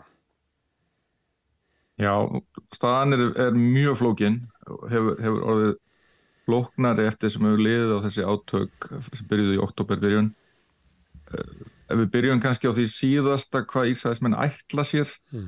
að þá erum við ennþá með í handunum þeirra yfirlýsingum markmiðin sem er að annars vera upprætta Hamas algjörlega og tryggja viðlíka ára og svo gerist 7. oktober get ekki endur tekið sig þetta, þetta eru bæði mjög óskýr markmið hernaðilega séð en í raun og veru þýðir þetta að þeir ætla sér að vera þarna svo lengi sem að þarf til að uppræta allt neðar að ganga kerfi og, og svona hernaðilega aðstöðu sem Hamas hefur komið sér upp og reyna að fella eins marga VMN Hamas eins og hægt er. Er þetta raunhæft markmið svona ef við verðum að hugsa eins og herfóringar? Nei og, og, og flestir bent á það strax í upphafi þegar þessar yfirlýsingar voru gefnar að þetta veri í raun og veri ekki hernaðilegt markmið og margir segja reyndar að það orki mjög tvímælis eins og Ísæðis hefur farið fram á Gaza að þá hafa þeir auki stuðning við Hamas frekar en hitt bæði inn á Gaza og á Vestubakkanum og, og alþjóðlega þannig að ef, ef að hernaður á að vera framhald á stjórnmálum með öðrum aðferðum eins og einn gammal prússi sagði ekki hérna að þá stendst þetta ekki það viðmið að þetta sé leiðin til þess að ná því markmiðum. En á meðan á þessu gengur getur fólk sem að bjóð þarna og býr þarna Getur það lifað einhvers svona lífi? Við veitum náttúrulega 25.000 hafa fallið. Mm. Uh, Þauðmapöttareglan er ofta 34 sinum fleiri særist og við veitum að sútala er mjög há og þetta eru í miklu meir hluta konur og börn sem, sem falla og borgarar. Nei, það er ekkert sem heitir eðlilegt líf á gasa frá því að þessi átökasa loftarásir og hernaðarækir er hófust. Við sjáum að gerfin þetta myndum og heyrum frá saman í þótt hvernig tjaldbúðir hafa sprottuð upp viðsvegar en enn er það þannig að Ísæs er, er aðgerðum víða á gasa þannig að það er ekkert örugt svæði sem að borgar getur leita skjóls pluss það að það berast ekki nöðsynnar matur og meðul eins og, eins og skildi vera. Mm. Og almenni borgar eru í, í bráðri hættu þó svo að Ísæs er segist vera beina aðgerðu sínum gegn hamasliðum að þá er gríðarlegt mannfall meðal e, óbreyttra borgar eða almennings og almenningur er það inn á þessu aflokaður inn á þessu svæði í bara stórkostleri lífsættu frá degi til dags. Já, mannfalli, mannfalli er óásettanlegt í raun og veru, það verður að segjast þannig og aðferðafræði Ísraels hers er að, er að beita, beita mikill hörku, miklum fjöld og loftar og stórskotaliði til stuðnis aðgerðum landhersins. Og það verðist öllum sérfræðingum og og þessum sem hér tala líka þar gæti, gæti þið sín ekki næjanlega til að forðast mannfall almenna borgara. Þeir eru að nota sprengjur uh, í loftarásir af stærðagráði sem þýðir að það er, er útilokað að tryggja borgarar verði ekki fyrir þeim, þeim árásum. Og eins er orðræða Ísraels herr og stjórnmála í, í Ísrael stjórnmálamannað með þeim hætti að þeir eru afsala sér ábyrð á mannfall almenna borgara þeir segja einfallega að Hamas skýli sér á bakvið almenna borgara mm. og þar með er það lögumætt skotmark og í mjög þröngum hernaðalagarlegum skilningi gengur það kannski upp en ekki frá nefnum mannúða sjónum mm. og þessu mun ekki linna og það er ekkert sem bendir til að þessu muni linna eða sem hefur verið bent á sem væri kannski líklegasta leiðin til þess væri að stuðningur almennings í Ísæls við þess aðgerði myndi þverra. Er eitthvað sem bendir til þess? Það, það eru smá örleita blikur á lofti í þá átt stuðningu við Netanyahu og stjórn hans er mjög lítill og, og, og minkandi og Ísraelskur almenningur er mjög reyður verðist vera út af því hvernig Ísraels hefur, hefur hagað sér og þá kannski ekki sérstaklega mannfall í palestinum hann eins og maður skildi ætla heldur að þetta verðist ekki vera góðu leið til þess að frelsa þá rúmlega 100 gísla sem er ennþá í haldi Hamas. Uh, einhver fjöldið þeirra hefur fallið í árásum Ísæðars hers og margir til enn voru eiginlega útilokað að hægt verða að frelsa hérna sem eftir eru. Og það voru upplýsingar um að það hefði verið semjum vopnar hlýja þar sem að þeim er skilað gegn því Ísæðars her, hætti hernaðar ekki um yfirgefi gasa en þeir eru greinlega ekki tilbúinu til þess. þannig að já, við setjum, setjum áfram í, í þessari klípu þar sem að viljið til sátta er bara ekki fyrir hendi. Já, og Ísarstjórn segir það að, að til þess að frelsa uh, gíslana að þá þurfum við að gefa eitthvað eftir, uh, búa til vopnarlíi eða, eða losa fanga, palestíska fanga í Ísrael uh, og það við erum ekki tilbúin að gera það og þar lendi eru við að já, skrifa undir svona, ég veit ekki, döðadóm þessara gísla. Já, það virðist vera þannig og það samkomalag sem er mögulega að vara á borðinu núna fyrir nokkrum dögum að fálfu Hamas og, það eru Katar og Bandaríkinu og aðri sem hafa milligöngum þess að viðraður var það að þeir myndu sleppa öllum gíslónu sem þeir halda ennþá gegn því er hirfi og braut og það myndi hætta hernaða að gera hannum. Það sem Ísrael hefur viljað gera er einungis að gera hlje og það vita allir að þá þeir halda áfram aðgeðanum og maður skilur mjög vel ekkur að Hamas gangi ekki að slíku því að það, það gefa þeir eftir í raun og veru þá stöðu sem þeir hafa með að halda gíslunum, einhver samningsstöðu. Þannig að það er ekkert sem hvetu þá til að taka, taka slíku bóði á halvu Ísæðismanna og Ísæðismenn hafa sett sér eins og við sögum svo gríðarlega viðtæk markmið sem er alltaf ekki hverfa frá að þá er samningsgrundvöldurinn mjög veikur ef hann er einhver til að byrja með. En ef að eh, tröst á netinja og ríkistjórn hans er að minka, þá er ekki gefið að nýstjórnvöld geti einhvern veginn unnið úr þessu ástandi þannig að þau myndu draga sér tilbaka á gasa eh, það er ekkert gefið að næsta ríkistjórn muni verða með einhvern allt öðruvísi hvað að segja, öryggistefnu Það, það er ekki eftir að slá neinu föstu um það en, en þessi ríkistjórn sem að Netanyahu barði saman eftir um munum langa stjórnakrepp og ítrekkaða kostningar er sérstaklega slæm. Ég held að það sé álit flestra sem eru er á hófsamari kantinum allavega í pólitík. Þeir keira áfram mjög grimma landvinningastefnu inn á Vestubakkanum. Þeir hafa gefið þjóndi fótinn að reka alla palestinum en út af Gaza og breyta þannig í raun og veru uh, stöðu palestinumanna innan landamæra Ísraels og endur taka harmleikin frá 1948 þar sem að 750.000 voru reknir frá Ísrael. Þannig að ég myndi segja að hver önnur stjórnveld sem myndur taka við væri strax mikil framför og eins er mikil áhugi bæði bandamanna Ísraels og, og annara áhrifaríkja, vefnum Európa-samötuði bandaríkin til dæmis, til þess að virkilega keira stað í áttina fríðarferðli og mögulega tveggjaríkja lausn og það verður ekki með að Netanyahu er þarna. Þær dyr getur opnast allavega örlítið ef það verður skiptum stjórn í Ísrael. Mm. Það verður alltaf ótryggt því að þessi mál eru, þetta er mikið hittamál í, í Ísrael og það er erfitt að sjá kannski viðtakan stuðning við eitthvað sem að almenningum myndi líta á sem eftirgjöf gagvat palestinumannum. Er það ekki, ekki breyfað það svo? Þetta er gríðilega flókin deila og, og það er ástæðan fyrir hún hefur ekki verið til lykt að leitt. Mm. En, en það eru flesti sammála um hver leiðin er í fríðar átt. Það myndi þurfa mikinn stuðning bæði á öryggisviðinu en pólitískan og efnahagslegan til að tryggja að vegur í átt og raunverulegu palestinsku ríki væri fæl og það er að vinna mjög náið með Ísraelsmönnum eins og þú segir að tryggja þeirra öryggi, veita þeim öryggistilfinningu því ég held að Ísraelsmenn hafi lært það á hörmulegan hátt 7. oktober að þú getur ekki tryggt öryggið eitt með endalösu hervaldi, það er ekki leiðin, þú, þú munt ekki ekki ná að slökva neistan sem að kveikir ansbyrnu þreg ofinnarins og, og ansbyrna palestinumanna gegn hernámi er lögmætt mm. og aðferðafræðin fari stundum verulega sveigu við eðlulegar að, aðferðir að þá er, þá er ekkert sem segir að ansbyrnan muni hætta fyrir en þú bindur enda á hernámið og býr til einhverja varanlega lausn og mm það er kannski eina jákvæða mögulega við þessi hræðilegu átök er að það er, er að skapast ákveðin vilji til þess að virkilega horfa á þá leið sem menn hefðu einhvern veginn haldið þeir getur bara geimt palistunnideiluna og byrjað að laga samskipti í Ísraels við nákvæmlega ríkin og við sjáum að það, það er ekki færlega lengur. Mm. En er það ekki þá gert með því að það verði einhverjum samninga viðræður þar sem að meðal annars Hamas setur við borðið? Ef maður horfa bara á Vietnam eða Norður Írland eða Baskaland eða hvaða, hvaða svæði sem við viljum taka það sem hafa verið herriðverk verið notuðað í frelsispartu þá verðum við að tala um að það verður engin lausn eða fríður fyrir en að, að hriðjuverkamenninir eins og anstæðingarnir skilgirinn að þá sittum við borðið og semji. Já, það er, það er áhugavert og nefnir Norður Íland, það náttúrulega sá við Martin McGuinness og, og aðra verða vittar á þeirra þegar friður hafði náðust mm. og það er óska leiðin. Samningar eru, eru lausn og slíkum átökum.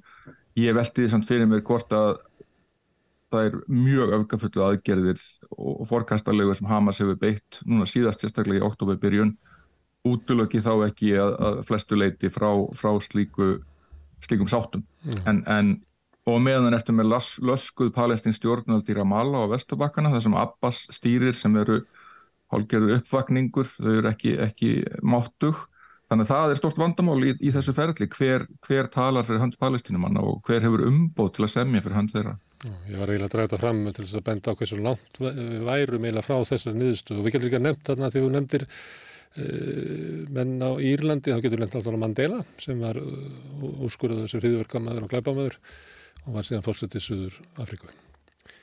Já, vissulega, en að, aðferðafræðin hins vegar mjög ólík. Mm. Meiri segja Írski líðveldasherin og öfgafellsti armur hans, þessi, þessi hérna, provisional IRA, svo við slettum, mm. hefði veigrað sér við aðferðafræði eins og við sáum 7. oktober. Mm. Herðu, við höfum rætt gasa en, en það eru möguleikar á átökum Ísraela við flirri, til dæmis Hisbóla í landamærum Líbanon og víðar. Er eitthvað merkjum það að, að, að, að átök Ísraelsmanna e, muni breyðast út? Það er það sem að margir hefðu miklar áhugir af í upphafi. Það er bandar ekki menn þá sérstaklega miklar áhugir að þetta myndi breyðast hratt út og önnu ríki dræjust inn í átökinn. Sendu strax tvö flugmóðskip á vettvang til að dempa áhuga hessbóla og slíku.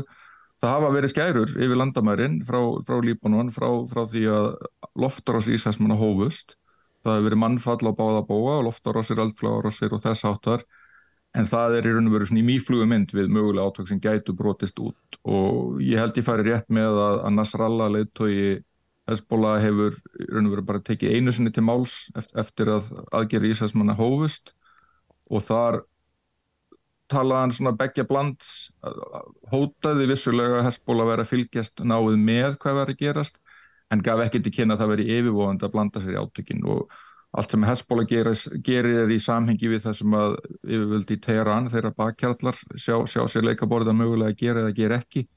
Þannig ég held að það sé ennþá ólíklegt. Uh, Ísraelsmann hafa dadrað full mikið við að hóta árásum inn í Líbanon og ég veit að bandaríkjumenn eru á fullum kraftaður en að dempa þann áhuga niður líka þannig að stríðið virðast ekki út og viki ekki út frekar. Mm. En þetta er að breyðast út með öðrum hætti, það er til dæmis e, hútar að, að hérna, stöðva skipaflutninga. Já, þeir, þetta ansbyrnuafli í, í, í söður Jemen eins, eins og það hétt lengi vel hafa barist við stjórnum þar og, og eins hafa sátti Arabar ekki herna gegn þeim um ára bíl. Þeir blönduði sér fljótt inn í átökin, sendu stýriflögar og, og, og meðaldragar eldflögar í áttina Ísæl sem voru skotna niður af, af bandarískun skipum og hafa núna ráðist gegn uh, alþjóðlegum skipaflutningum um, um Rauðahaf í áttina Súeskurði og við sjáum að magnað að sjá hvernig umferðarflutningaskipa hefur beinst í mjög miklu mæli söðu fyrir Afríku, sýst átta Afríku sem er lengir ferðalagið um 4000 km og mm. mikill kostnaður og áhrif á alþjóða hafkerfið þannig og við sjáum flotadeildir bandaríkjana og breyta annar er að beita sér og beita loftára gegn húttónum. Það er ekkert sem gefur til kynna að það sé að bera raunverulegan árangur. Uh, þeir eru aðeins að auka í og beita núna sérsveitum á sjó til að reyna að stöða byrðaflutninga til hútana. Það er þá eldflögar sem berast frá Íran. En uh, ég ávona því að þær aðgerir munu verða útvíkaðar. Við sjáum mögulega herna inn í Jemen til að stöðuða þessar árásir á, á skipaflutninga. Mm. Þá erum við kannski komin að það sem að er gríðalegur hernaðarmáttur og mikil tekni og mikil geta, rísast og skip og fleira sem að verða stíla ráða við svona, svona skæru hernað Eh, ja, svona, svona, svona talibanandi voru í Afganistan. Erum við að verða að vitna eitthvað slíku að bandaríkinn og breyta getur dreyjist inn í eitthvað slík átstokk þar sem að þeirra her uh, ja, styrklegi þeirra hers virkar einfallega ekki?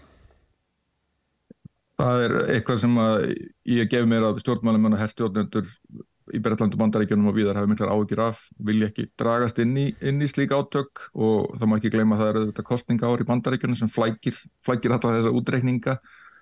Eh, já, eins og staðan er í dag þá hefur tekist að mestu að koma í veg fyrir að skip séu hæfð og hvað þá sögt af þessum árásum en það verður heldur ekki tekist að stöðva árásennar og efnaðislu áhrifin eru þannig að eiga sér staði enga síður.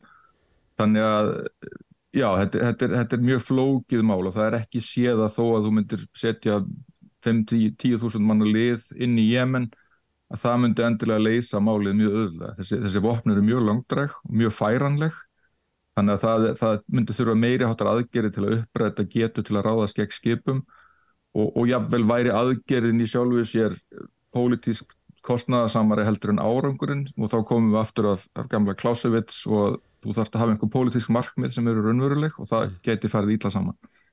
Þannig að hútandi getar um að stoppa umferðina og náðu sínu markmiðum eh, með tildulega ja, litlu miða við hérna, það afl sem hefur verið reyna að nota til að koma í veg fyrir það. Það er ekki, það er ekki gefið að þetta mikla afl geti stoppað markmið hútana, þeir náðu því fram eftir sem áður. Algjörlega, algjörlega, það er ekki gefið. Ég, ég var þrjú ári í Afganistan af þeim 20 árum sem alþjóðaliði var þar og við mm. veitum hvernig það endaði af mörgum ástæðum.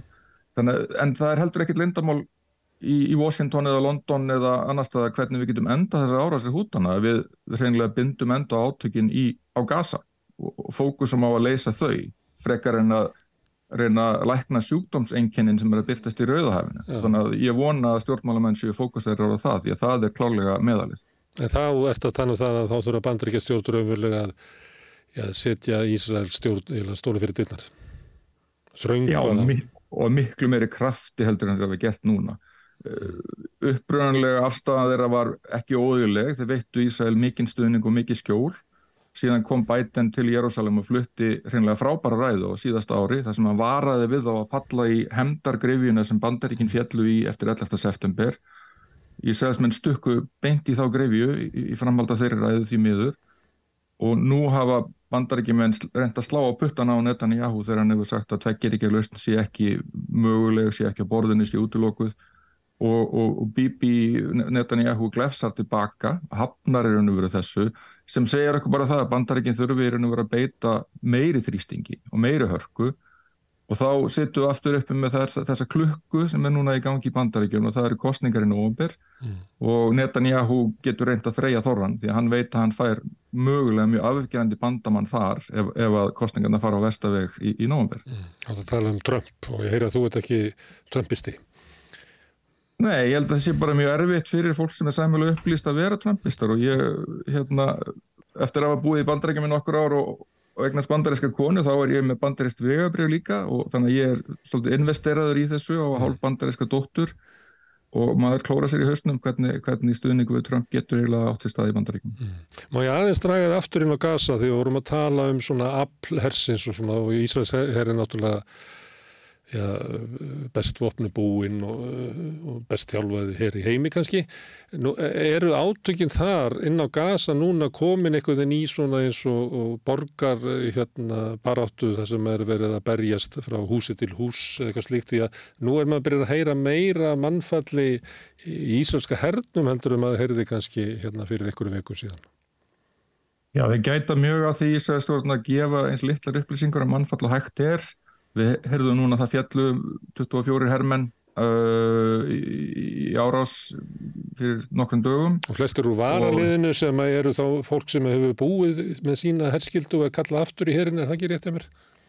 Jú, og kannski að því þú nefndir að Ísrael her hefur á sig þetta orð að vera afburða her mm. og, og mögulega er það rétt í heimslutanum þar sem að gæði herja eru mjög takmarkuð í samanburði við vestrana heri þá er Ísraels her kannski ekkert sérstaklega öflugur þó að þeir hafi algjör yfirbyrði gegn anstæðingum hvort sem þeir eru Líbanon eða, eða Hamas og Gaza. Og já þeir eru núna í mjög erfiðum borgarhernaði eins og þú segir. Mm. uh, þar er mjög eðlilegt að mannfall verði töluvert, það hefur verið minna heldur en að þeir hafa óttast.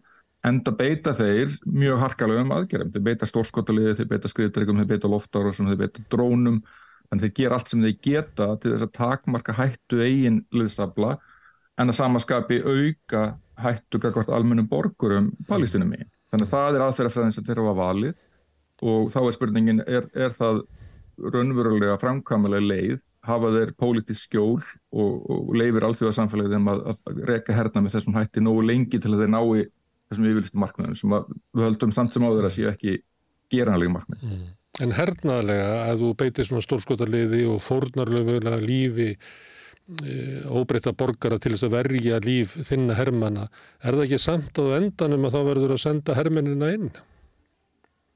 Jó, en þú, þú getur samt, veru, ef, ef við tökum bara mjög þröngt, kannski abstrakt dæmi, ef þú, þú sendir hundra hermenn inn í eitthvað hverfi, þú ert búin að áður en að þú ferð þangað inn, þá ertu búin að gera röð af loftárosum og helstu mögulegu víi anstæðinga, þú ert búin að beita drónum til að hlera og fylgjast með hverfinu og sjá hvort það er einhver umferð anstæðinga þar og síðan um leið og verður vart við einhverja allögu til þess að jarðgöngum eins og Hamas beita mikið þá dregur þitt fótungulið tilbaka og, og beitir aftur lamandi stórskotulegstaða loftárásum áður að þú ferði inn aftur. Þannig að þetta er, þetta er mjög svona varkár aðferðafræði en hún hefur einst þeim vel hvað var að það missa ekki, missa ekki hermenn en að ná markmiðum hernaðarins maður spyr sig hvort að það er, það er að takast. Mm, og þeir eru náttúrulega mist alla uh, mikla samúð uh, fólks í öðru löndum. Það er minni stuðningu við Ísra núna heldur en já, oftaður. Ég, ég held að það sé algjörlega rétt mat og, og, og þetta, þetta hefur verið gríðalugur pólitískur ósegur fyrir Ísrael. Ég held að verðum að segja það eins og staðan er í dag og, og þeirra staða í alþjóðakerfinu og sérstaklega þá gagvart nágrannaríkjónum er miklu verri heldur en hún var fyrir 7. oktober. Það er byrjað að sjá greinar það sem er fyrirsaklega eins og mun netan já og eiðalega Ísrael og þarfandi guttunum út af þessu. Herðu, en, en þá er hérna Íranir, þeir hafa verið að gera loftar og sér á að líku við að segja bara hín á þessi lönd. Hvaða Hvaða merkingu hefur þetta? Íran er náttúrulega fyrst og fremst að reyka sína eigin hagsmunna pólitík þó þeir eigi, eigi sína bandamenn í, í Líbanon eins og við töluðum um og í Jemen og þeir hafa veitt Hamas fjárstuðning líka þó að Hamas takk ekki við skipunum frá, frá Teheran. Íran er að minna á sig. Þeir, þeir eru ríki sem að vil vera áhrifða mikið í heimslutunum, svona hegemon, svo við slettum mm. og standa þá helst anspanni sátu Arabíu með áhuga á þeirri stöðu. Þannig að Íran er svolítið að, að sína klætnar og, og, og minna á sig að það hefa vissulega verið árásir á íranska uh, liðsmenn í Damaskus til dæmis, á Ísæsmenn gert loftarásir, þeir hafa gert árásir á það í Líbanon. Þannig að hér er, hér er Íran að íta tilbaka á sig, við, við erum ekki algjörlega ráðalösið kakvart þessu. Á sama tíma hafa Íranir haldið áfram að auðga úran því að eh, skilabóðin sem bárast frá Washington var áframhaldandi viðræður um kjarnorku deiluna við Íran væri nú settar á ís fram við kostningar og Íranir hafa einfallega sagt þá auðgu við bara úran fram við kostningar og þá eru við konur í allt aðra stöðu. Þeir eru vist komnir yfir 60% auðgað úran sem er að verða notæft í, í vopn, kjarnavopn þannig að það eru margar klukkur í gangi í heimflöldunum og, og maður vonar að stjórnmálumenn séu með hugan við það líka. Mm. Líkilætrið er, er afstáða bandarækjastjórnar og bandarækjastjórn er í erfileikum með að, að, að beita sér að því þar eru kostningar og það á eftir að koma í ljós hver sigra þær kostningar eins og kannanir benda til núna er bara kannski líklegast að það veri Donald Trump og þá mun náttúrulega allt breytast á þessu, lands, þessum heimsluta. Það, það er allavega hvað var það ef, ef að Trump kemst aftur í kvítahúsið þá er, er já, breytist afstæðan algjörlega gagvart palestinudeilunni og Ísæðismönnum í vil uh, þó svo að Trump í ennbætti áður hafi lagt miklu áherslu á góð samskiptu við Sáti Araba þannig að þetta er ekki algjörlega svart kvít en það er því áfall fyrir palestinumenn svo ekki sem talaði um Ukrænumenn og, og NATO og marga fleiri mm. ef hann kemist aftur í ennbætti en ég Nefnir það nú svona ganni fyrst og talar um skoðanekannir við heldum að lært það frá 2016 að það er lítið að marka skoðanekannir og þannig að maður er ekki alveg búin að afskrifa þessar kostningar ennþá, það er langt í þar. Já. Þá var hann vannmetinn Trump í konunum, eh, þannig að þú er þá að voru að hann veist sér ofmetinn í konunum í núna. Já, ég hugsa það og þetta er kannski ekki, ekki svona hefðbundin eh, stjórnmálafræði skýring en ég hef hort á þessar forvalskostningar og það kemur svolítið óvart hvað með finnst hann fá lítið fylgi hann rétt er að slefa 50% fylgi í, í Iowa og afturinn og Hampshire mm. mér finnst það mjög lítið fyrir uh, svona óskóraðan trúarleitt og þessar reyfingar sem eru republikanir í dag mm. En ef við horfum til skemmri tíma að þá eru svona skilabóð Netanjá og, og Ísraelstjórnar að, að átökjuminu halda áfram næstu vikur og mánuði. Og Já. það, það er eins, eins, eins lengi og þarf hafa þeir sagt. Þeir hafa ekki útlist á það það hafa sett fram svolítið stjartfræðilega tölur um hvað, þessi göng undir gasa séu umfánsmikil og í, í, mælt í hundruðum mílna en að samanskapi ekki lagt fram sérstaklega mikil sönnunagögn því til stuðnings en já, það er ekkert sem bendur til að átökunum ljúki af hálfu Ísraelsmann á næstunni en, en ég veit að það er mikil þrýstingur frá Washington og reyna að finna leið til þess að binda enda á þau fyrst og fremst frá mannúðasjónamöðum en líka út frá pólitísku tjóni sem þessi átökur að valda bæði Ísrael og bandaríkjónum í heimslutunum. Herðu, Erlingur, takk fyrir að koma að leiða okkur að ringi í þig. Þú ert hernaðar sakfræðingur og það er aldrei ringt í þig nema að sé eitthvað leiðindi í gangi. Það er aldrei ringt í þig á friðatímum. Það er nú bara þannig, en ég bendur nú samt á að á friðatímum er tíminn til að búa sig undir stríð, þannig að það er þá gett að hafa það í huga líka, þetta er eins og öryggistrygging. Já. Ég myndi ekki að vilja að það kemur friður í heiminum og við getum ringt í þig á friðatímum. Vonum að verði sem fyrst. Þakka þér kærlega. Takk fyrir. Við ætlum að sitja hérna áfram við rauðaborðið og skipta yfir í næsta kapla. Með því að ganga í leyendasamtökin stiður þú baráttu leyenda. Leyendasamtökin eru fyrir öll þau sem vilja vinna að réttlæti og öryggi á húsnæðismarkaði.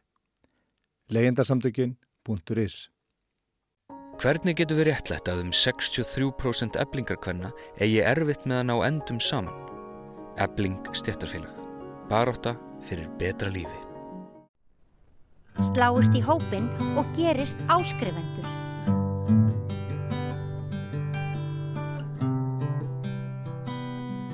Já, heyrðu, nú ætlum við að tala um mál sem við nú oft talað um hér áður sem eru, já, kotamálinn, auðlindamálinn. Það var eh, Svandi Svavastóttir, stóð fyrir mikill, mikill í svona vinnu, hvað kalla auðlindin okkar fjölmenn nefnd í, í mörgum undirflokkum sem átti að koma með eitthvað sem að gæti orðið sátt um sjáurðursmál og þetta mál er ennþá lífi þótt að Svandís er komin í veikitaleifi og við regnum nú með að hún komi aftur og haldi áfram þetta mál. Og þess vegna ætlum við að halda áfram að ræðum þetta en það er, eru auðlindamálin mikilvægstu málin í okkar samfélagi. Til þess að hjálpa okkur að skilja þetta er hinga komin Indriði Há Þorlagsson sem hefur mikið fjallað með auðlindamál mikið um tíðina.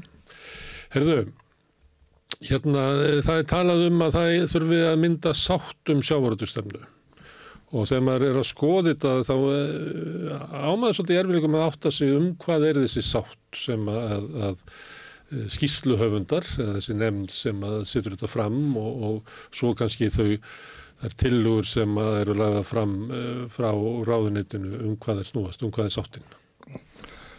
Já, það er um þetta sem ég skrifaði grein fyrir nokkuð þar sem ég mitt veka þessum atriðum og eftir að hafa skoðað skýsluna sem að er unnin þarna stórum hópuna og er auðlindin okkar? Já, já, auðlindin okkar og uh, ég var nú að segja að ég var fyrir miklum ombröðu með útkomun úr þeirri vinnu mm. í allum svona megin atriðum, það var aflust mörg ágættis teknir atrið sem það er tekin á en einn stærsti gallin við þess að þetta verkla var kannski það að að kasta allt, allt og mikið saman í eitt pott. Þetta mm. eru görsanlega óskild málefni sem þetta eru fjallum og sumig að í sjálf og sér ekki sérstaklega heimi í sjávarúti, ég gegnum atvinnustar sem almennt og svo framvegs. Mm. En staðsta kannski má aðrið sem ég fannst vera aðtóavert við er að það að það er hverki skilgrind í raun og veru um hvað eigi að ná sátt. Mm og þar byggjast á því að, segja, á því að, að ágreinisefni sem að ósætt er um ekkert nefnt í skýtlunni og í, í svona verk eða hvað maður segja upplegginu sem að nefndin fjær. Það vantar í skýsluna kannski helstu átakamálin um sjáurðustöfnuna. Um, um sjáurðustöfnuna og, og að þau er leysi að nefndin eigi að koma til um, um lausn á þeim. Mm og það einkenni skýsluna þetta ágrinnismál sem að er í raun og veru ekki nefnd nema í svona undir skýslu þar að segja félags hérna fræðarstofnun Háskóla Ísland sem að mm. er beður um að skilja skreina ekki svona um skoðanakonun mm. uh, meðal almennis og þar kemur glögt fram að þetta stóra ágrinnisefni er arðurinn af auðlindinni og misskipting af honum. Það er að segja að hann skuli renna stóra hluta til annara heldur en eiganda auðlindarna. Já. En þrátt fyrir þetta að, að þetta sé komið hann fram að þá lætur sjálf aðar nefndin eins og þetta vandamál sé ekki til og kemur með ekki neina lausnir á því og reynir helst að svona, segja, gera lítið úr, úr þessu og, og draga svona heldur reik yfir allt saman. Mm. Þannig að sátt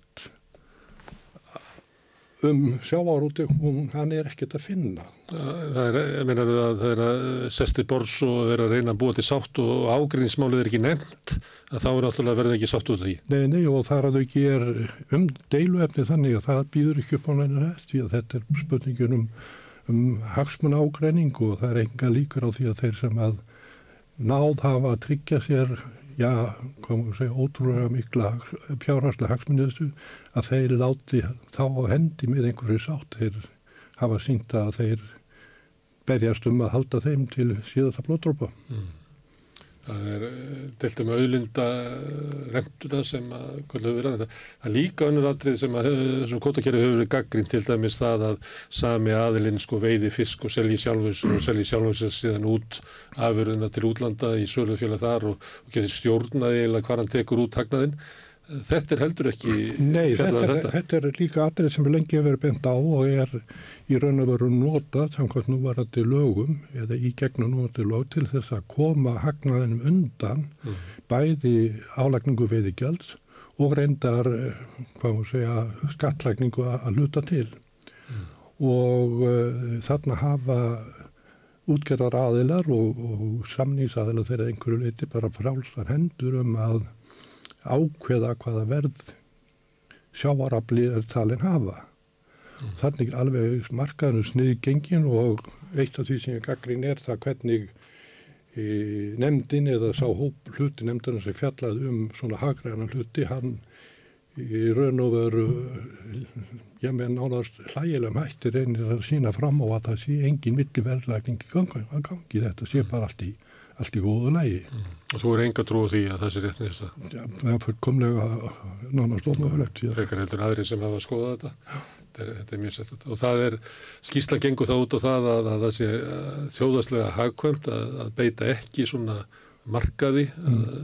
heldur að það sé sko starðarhagkvæmni stórra útgjörðafyrirtæki að, að það sé meiri hagur á því að tryggja starðarhagkvæmnina heldur en að láta markaðin hérna, finna verð á bryggjunni og, Ak Akkurat og, og ekki nómið það heldur að, að það verð sem er gefið upp í raun og veru það sem útgjörðamenn ákvaða að nota þegar það færa peninginu og öðrum aðsann yfir í hinn. Þetta er ekki, það er ekki fjallað þetta að neinu Nei. viti. Þannig að... En hvernig var þá þessi skýrsla gerð eða hérna var kannski ljóst frá uppæfi að þetta er því niðurstöðan vegna þess að, að það náíla í forminu að því hvernig var unnið að skýrslunni? Já, mér tókti það líklegt þegar uppæfi að þetta gæti ekki leitt til neittnar notara niðurstöðu, svo má segja vegna þess að þarna er tekið á svo mörgum atriðum og, og svömum kannski merkilegar en öðrum og já, frá svona meðsmunandi sjónameði en eitt af því sem til dæmis hefur verið mikið í umræðinni er, er þessi skipting eða hvaða afla hlutild, hámarsafla hlutild getur verið sko, mm. sem að var eitt af þeim aðtunum sem að svona talið var, var að þetta að reyna að taka á mm.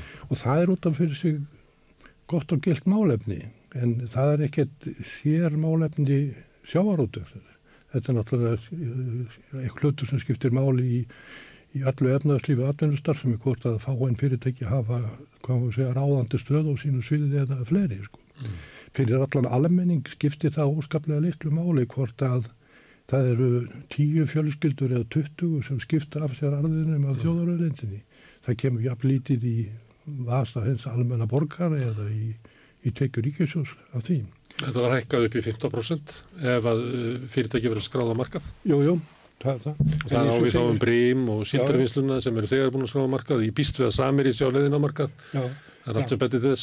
Já, já, en eins og segi, það er ekki aðalatrið, stóra hagsmunatrið fyrir, fyrir almenning, sko, hvort að þetta eru einhverjum tögum fleira eða færri einstaklingar sem að En þú ert að lýsa þessu sem hálfgerður leiktöldum. Þú ert að segja að það er ágreiningur í samfélaginu búin að vera hérna áratugum saman og hann er til dæru að skýra og klár Já. og er ekki, honum er ítt út á borðinu hm. en hins vegar hend inn svona mis uh, áhugaverðum og mis mikilvægum álum og bent á að já, við erum að breyta ykkur hérna til þess að fela það að við erum eiginlega ekki að breyta neinu í því sem að mánu skiptir.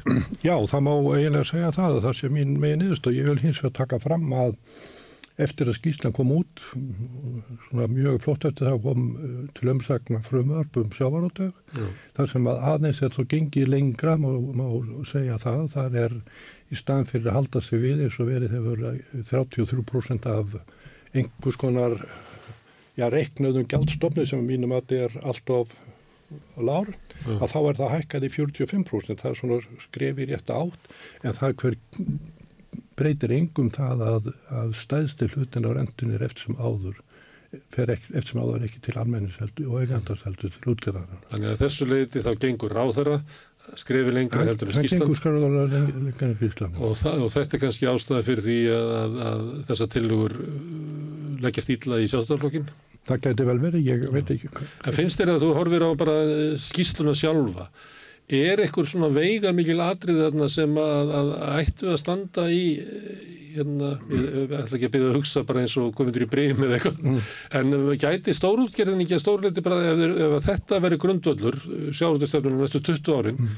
þá eru viðanlega til í þetta myndi stórútgerðin geta sagt það er ekki þarna sem að ógnar stöðum þeirra eða þessum stjórnlösa arði sem að þau ná til sín, það er ekkert, það er ekki sérstök hætta þarna fyrir stórningina. Nei, þetta til og með samþýgt á svona lögum eins og þarna lög til hvað var það sko veitíkjöldin og það myndi festa í sessi, hvað maður segja, stöðu stjórnlögerinn er kannski ekki eins alveg eins góða eins og hún hefur verið en mm. í stórum dráttum myndi þetta ekki breyta kerfinu aðalatur eða kannski að þetta breytir ekkert því prinsipi menn fara ekki út í alvöru út í auðlinda skallækning heldur með einhvers konar svona já, hálf káki svona mm. segja mm.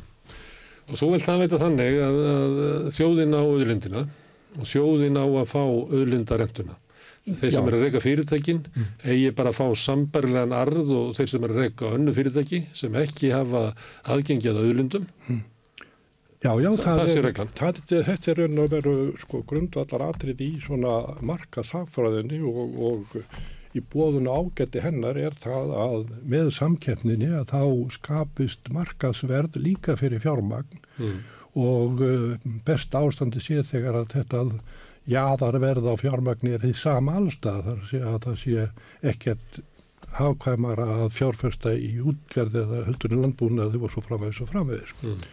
og uh, þannig að þarna er ekki verið að fara inn á neina sóstelíska Uh, hérna leiðir í þessu þetta er alveg Já, já, en þetta er einfalt Nei, þetta, þetta er bara eigandin er hérna þjóðin. Já, hún á auðlundina og ef þú vilt nýta hana þá greiður hérna, þjóðinni afnóta auðlundinni þannig að hagnaður hérna, þjóðinnar er bara arðurinn af auðlundunum þú ert að reyka þitt fyrirtæki hvort sem þetta er sameri eða brím og það var bara að vera svipa og þú setja að reyka ykkur að velsmiðju eða eitthvað slúleis eh, þá ekki að vera inn í því hagnaður sem að, að þú nærðinn vegna vegna þess að, að aðfengiðin er ókipis. Nei, nei, það er alveg, alveg rétt og, og í raun og veru sko mæla alltaf hafræðilega rögg með því að þetta heldur seg, segja sko að svona sér einogunar aðstæð einhverju leiti sem, sem að skapa svona óæðilega hagnað einhverju, hún kallar yfirleitt á óhagræði og óhagkvæmni í efnahagslífinu. Og líka í rekstri fyrirtækina, líka í rekstri fyrirtækina. Við höfum dreyið hérna ágjörlega fram að við komum hérna svona sjálfstöðu fiskverkandi,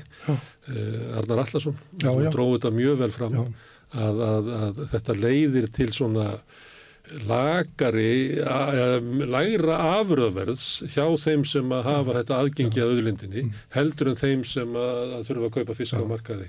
Já, þetta leiðir líka til þess að leitt til offjárfestingar í þessum, ívinnuðu greinum, Já.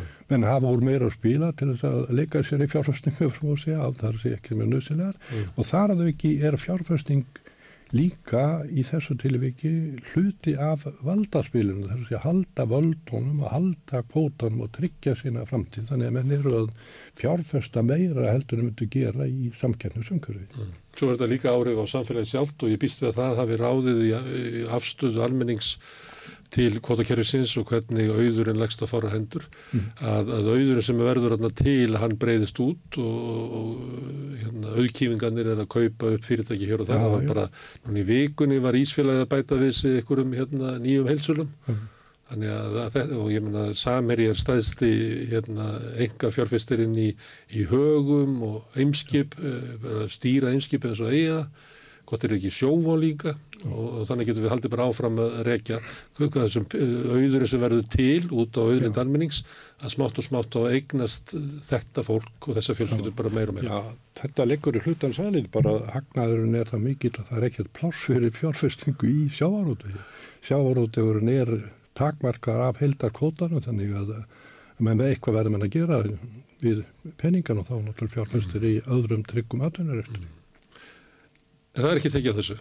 Hmm. Það er ekki tekið á þessu í tilögunum? Nei, það er ekki tekið á þessu í tilögunum og, og eins og ég segi, það getur vel verið. Ég uh, kann ekki að meta ímislegt af þessu sem er í skýslinu, þar er að hef ekki vit á því og, legg ekki mat á það, þannig það kann að vera fullt af ágætti slutum þarna, þannig ég hef engungu litið á þessi stóru atrið sem ég hef svona verið að, að huga að í gegnum, gegnum aðeina, sko.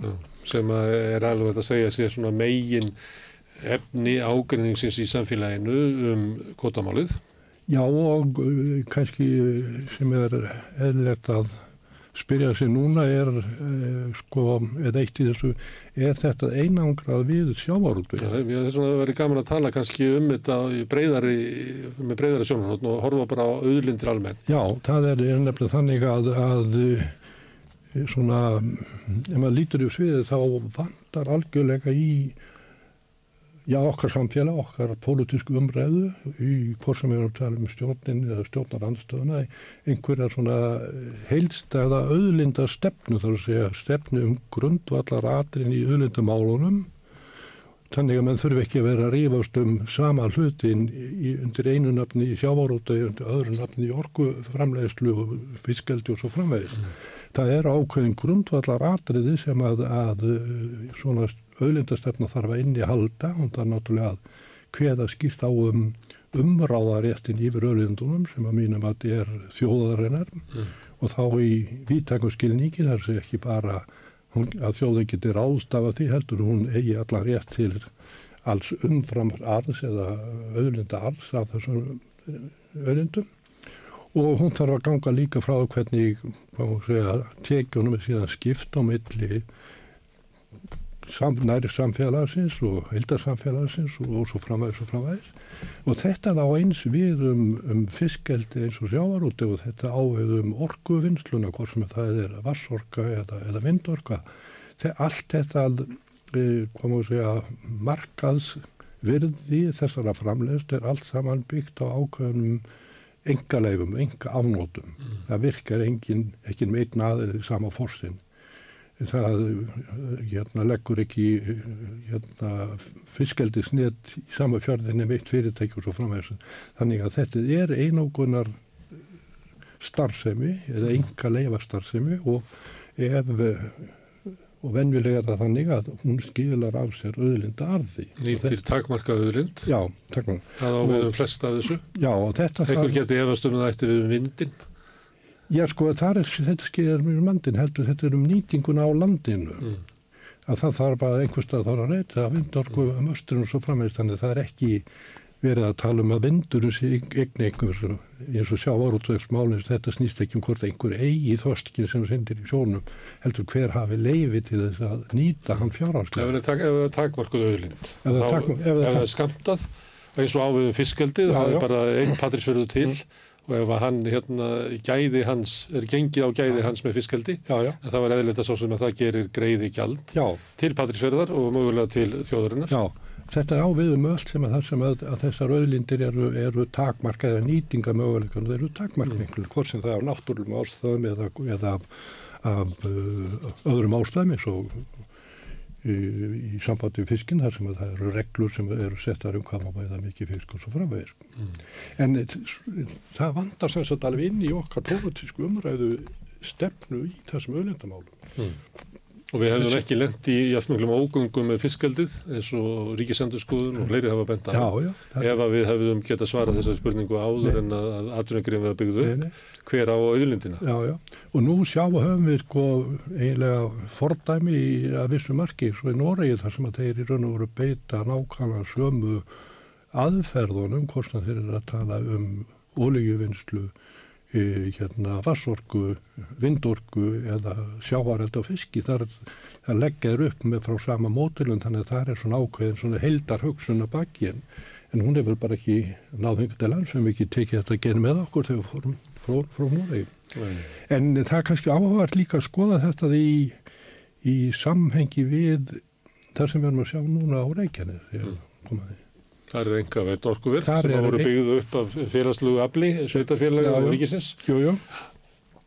Og uh, Það var síðan selt. ef við tengjum þetta síðan við sko hverjir eru eigandu þar og það eru erlendir aðelar, erlendur sjóður sem á þetta. Í, í, það er bannað í, reyndaði sjávorðdegi þó að spurning sér hvort að mann geti framfyllt í tíð lengdar. Mm. Í fiskgeldinu sjáum við þetta nákvæmlega sama, það er eignarhaldið að stórum hluta í, í Erlendum, í ásóknin í vindmilugarða, þar eru hér agendar fyrir Erlenda aðila sem að, að vinna þessu, þannig að, að bak við þetta liggur ákveðin líka, hvað má segja, uh, staða hér á landi varðandi hvernig menn halda á auðlindunum gagvart útlendingum og hvernig menn halda á sko, hvað má að arðinum að þessum útlendingum gagvart erlendum aðurum. Við sjáum það í orkuframlegstunni þar sem að það er fyrst og fremst hvað má að segja, álverin og aðileg sem kaupa orkuna lágu verði sem að fá arðin Tappa auðlunda rentunni til sín. Já, já. Uh, það sama er að við sjáum við fiskkeldinu líka, þar Mm. er rennur te, renna tekjun til erlenda eigandana og í þessu dæmi sem við höfum núna við höfum með, með háa sorku að þá er það sama á ferðinni bæði það að að tekjurnar eignin arðurinn af eðlilegri starf sem er rennur til útlendingana í lokin sko. Og ekki nóg með það heldur að allir þessir aðeila sem að hafa verið að koma sér ásælast eða komið höndum yfir auðlinda neytingu hérna að þeir nota líka tækifæri til þess að koma allum tekjum undan skatlætingu hérna þannig að þeir nánast taka allt. Og við sjáum það líka hér ég sendaði með að taka leita ásækninga hafa sorku að þeir eru nýbúinir að taka svo kalla hlutafa lán upp á 5 miljardar sem að eigendurnir í útlöndum, hvað sem þeir eru, taka 10,9% vexti. Mm. Til að komast hjá að lækka tekjuskattin. Þannig lækka þeir tekjuskattin og sínist að þessi er svona búin að tryggja sig gegn því að þurfa að borga tekjuskatt hér á, á landi allavega einhverja, einhverja framtíð. En fyrir utan þetta... Þú varst nú í skattrannsókn og skattstjóri. Er þetta ekki eitthvað sem ætti að vera svona bara bú, bú, bú og Já, fólk ætti að bregðast við þessu? Það, það er ætti að vera þannig en, en bara er, er það ekki og þetta er í raun og veru nákvæmlega sama mótelið og, og hér uh, álfyrirtækin hafa notað og, og ég býst við að, að, að finna, finna viðar en einhverju vegna þess að, að stjórnvöldi eru ekki á þeir sofa verðinu, þetta er þróun sem hefur verið að gerast á síðustu 20, 25 árum en ekkert er gert til þess að, að, að alvöru til þess að stöða. En Hvernig er þetta að skýra þetta eindriði að þú erum að lifa lengi í þessu samfélagi að stjórnvöld gangi svo frá þessu umbúnaði fiskaldisins eða, eða álveranna eða, eða eins og á sorku með þeim hætti að arðurinn af auðlindunum okkar rennur til útlendinga. Ég býst við að, að hérna, stjórnvöld þekki ekki sem þetta fólk. Þú veist það er ekki þannig að þetta séu engengar að fólk sé að heikla sínu fólki eins og er í svona klassískri spillingu. Nei, ég, Hvernig stendur á því að stjórnvöld sem hefur geta okkar almenna hagsmuna koma þessu svona illa fyrir? ég held að það sé einhvers konar þessi blind trú á að það sé fyrir hendi markaðurinn og markaðurinn skil einhverju réttláttu niðurstöðu. Sem er aðri þjóðfélaginu. Já, menn hafa ekkert fyrir því að velta fyrir sig hvort er hver þetta markmið sé, þetta er eins og með... með fyrir þjóna guði. Já, en svo er eitt aðrið í þessu líka sem að, mér finnst aðkallandi að koma fram í sambandi við e, þetta síðan sem ég, þar sé að svartsengi og virkinum þar. Mm sem er aldrei sér fyrirtónum núna, við verum að reysa makar til að verja svarstingi.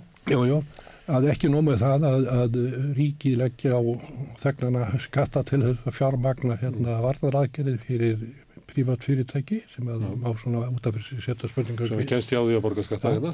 En spurningin hins er svo hvað skeður ef að svo illa vera að svartsengisvirkjuninni eðalegist?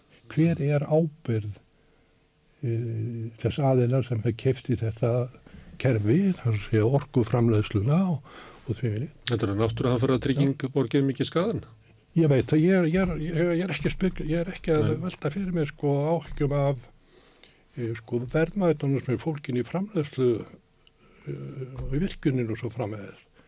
Ég reikna með að, að eigandan séu löngu búin að fá það kostnað endur greitan ja, markvælt þess vegna heldur með byggingu og rekstri svona kerfis eins og orkuframlegslu og orkukerfis er verið að byggja upp þjónustu fyrir samfélagið mm. og geta þessir aðalega bara síðan hlaupið í burt og, og, og sagt já því miður það kom elgós og við erum farnir ha, er, það, þannig, sko. er, það ekki, er þetta ekki í raun og voru ákall á það að segja sko að þessi starfsemi, orkuframlegsla, orkudreyfing og dreifikerfi eru samfélagsverkefni sem eiga ekkert að vera í enga eign. Þetta væri mikið betur komið að þetta væri til dæmis eigu landsverkunar og enn síður á þetta vera í enga eign einhverja erlendra aðeila sem hafa engar skildur og enga tilfinninga gagvart fólkinu í landinu eða þeirri þjónustu sem það þarf að hafa.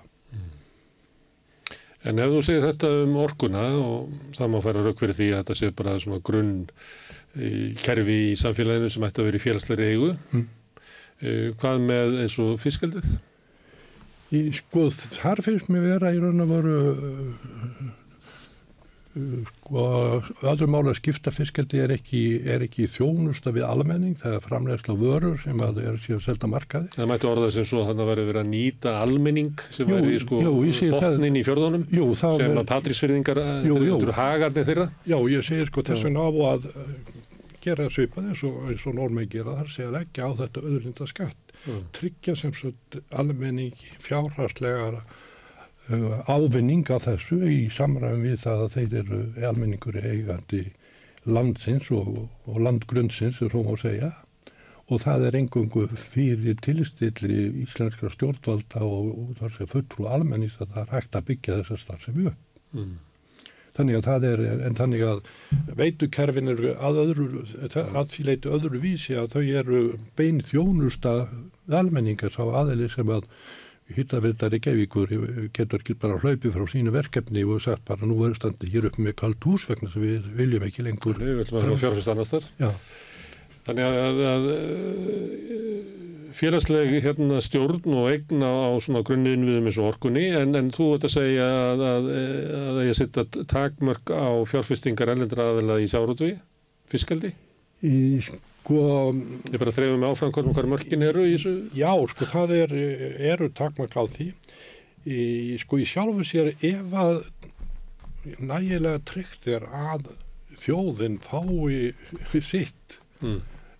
fyrir nýtingu öðlundina, þar sé öðlund annars sem skapast, þá finnst mér í sjálfu sér ekki aðalatrið hvort að auðkeyfingur sem á hlutabrifin sé gráðu til heimis á Íslandi eða í London eða því þannig að mér finnst að að þessi formlega eignahald sé ekki kannski stóra máli heldur hér raunverulega vald yfir ráðstofunum og yfir tekanum sem auðvitaðum hljóðar. Mm. Það sé mikið meira aðriði heldur en einhver, einhver, einhver formsatriði sem hægt er að þess vegna að komast í kringum ef að mm.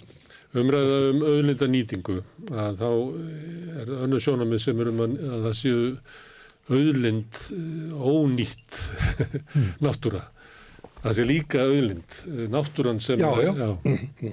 Jú, jú, þetta er... Hún er náttúrulega mjög sérstök, svona, það er svona, það er erfiðar að meta hana heldur en að því að það er erfiðar að reikna út arðinafinni og annað slíkt. Hvað, Já, en- Má ég leggja þá þraut fyrir því, hvað ætlar að gera við hérna víðernin okkar? Jú, jú, ég, ég sk- skil það vel og, og, og um, ég er alls ekki talsmað þess að menn byrki hér vindmilur upp um öll fjöll og svo framvegist, þannig að, að ég er og, og það er ekki kannski hins óframkvæmanlegt eins og menn, menn stundum láta að, að meta þetta, menn verða að hlusta á kanna viðhór manna til þessara mala og taka ákvarðanir um nýtingu náttúrunar með hliðsjón af því.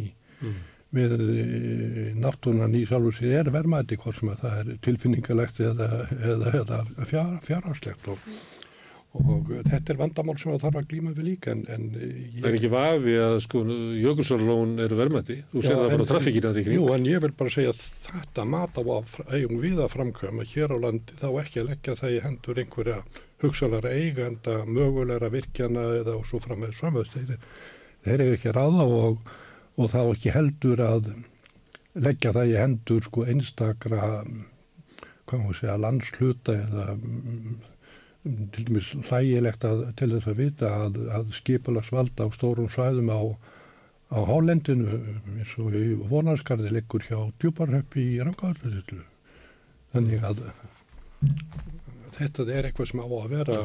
Það gæti verið þetta reppakerfi hafi virkað hérna í gamla daga en við erum komin á svæði þar sem það er að endur skoða það. já, held, held, Erum við heyrist að hérna að Svandís stóð fyrir að hérna, búa til það sem heit auðlindin okkar og kalla það til svo kalla hagaðila og þú kannski sást bara á uppstillingunni að þarna gæti ekki orðið kannski stór sátt við þjóðina.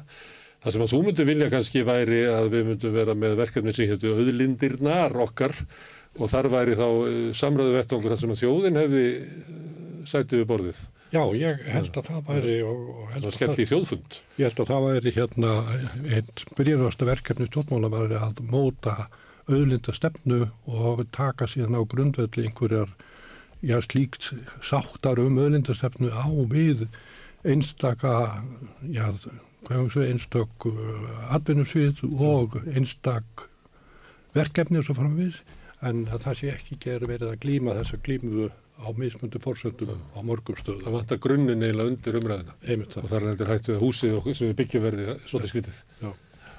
Herðu, Indriði kæra þakki fyrir að koma hingað Já. og spjalla um þessi mikilvæga mál. Já, þakka sem er fyrir.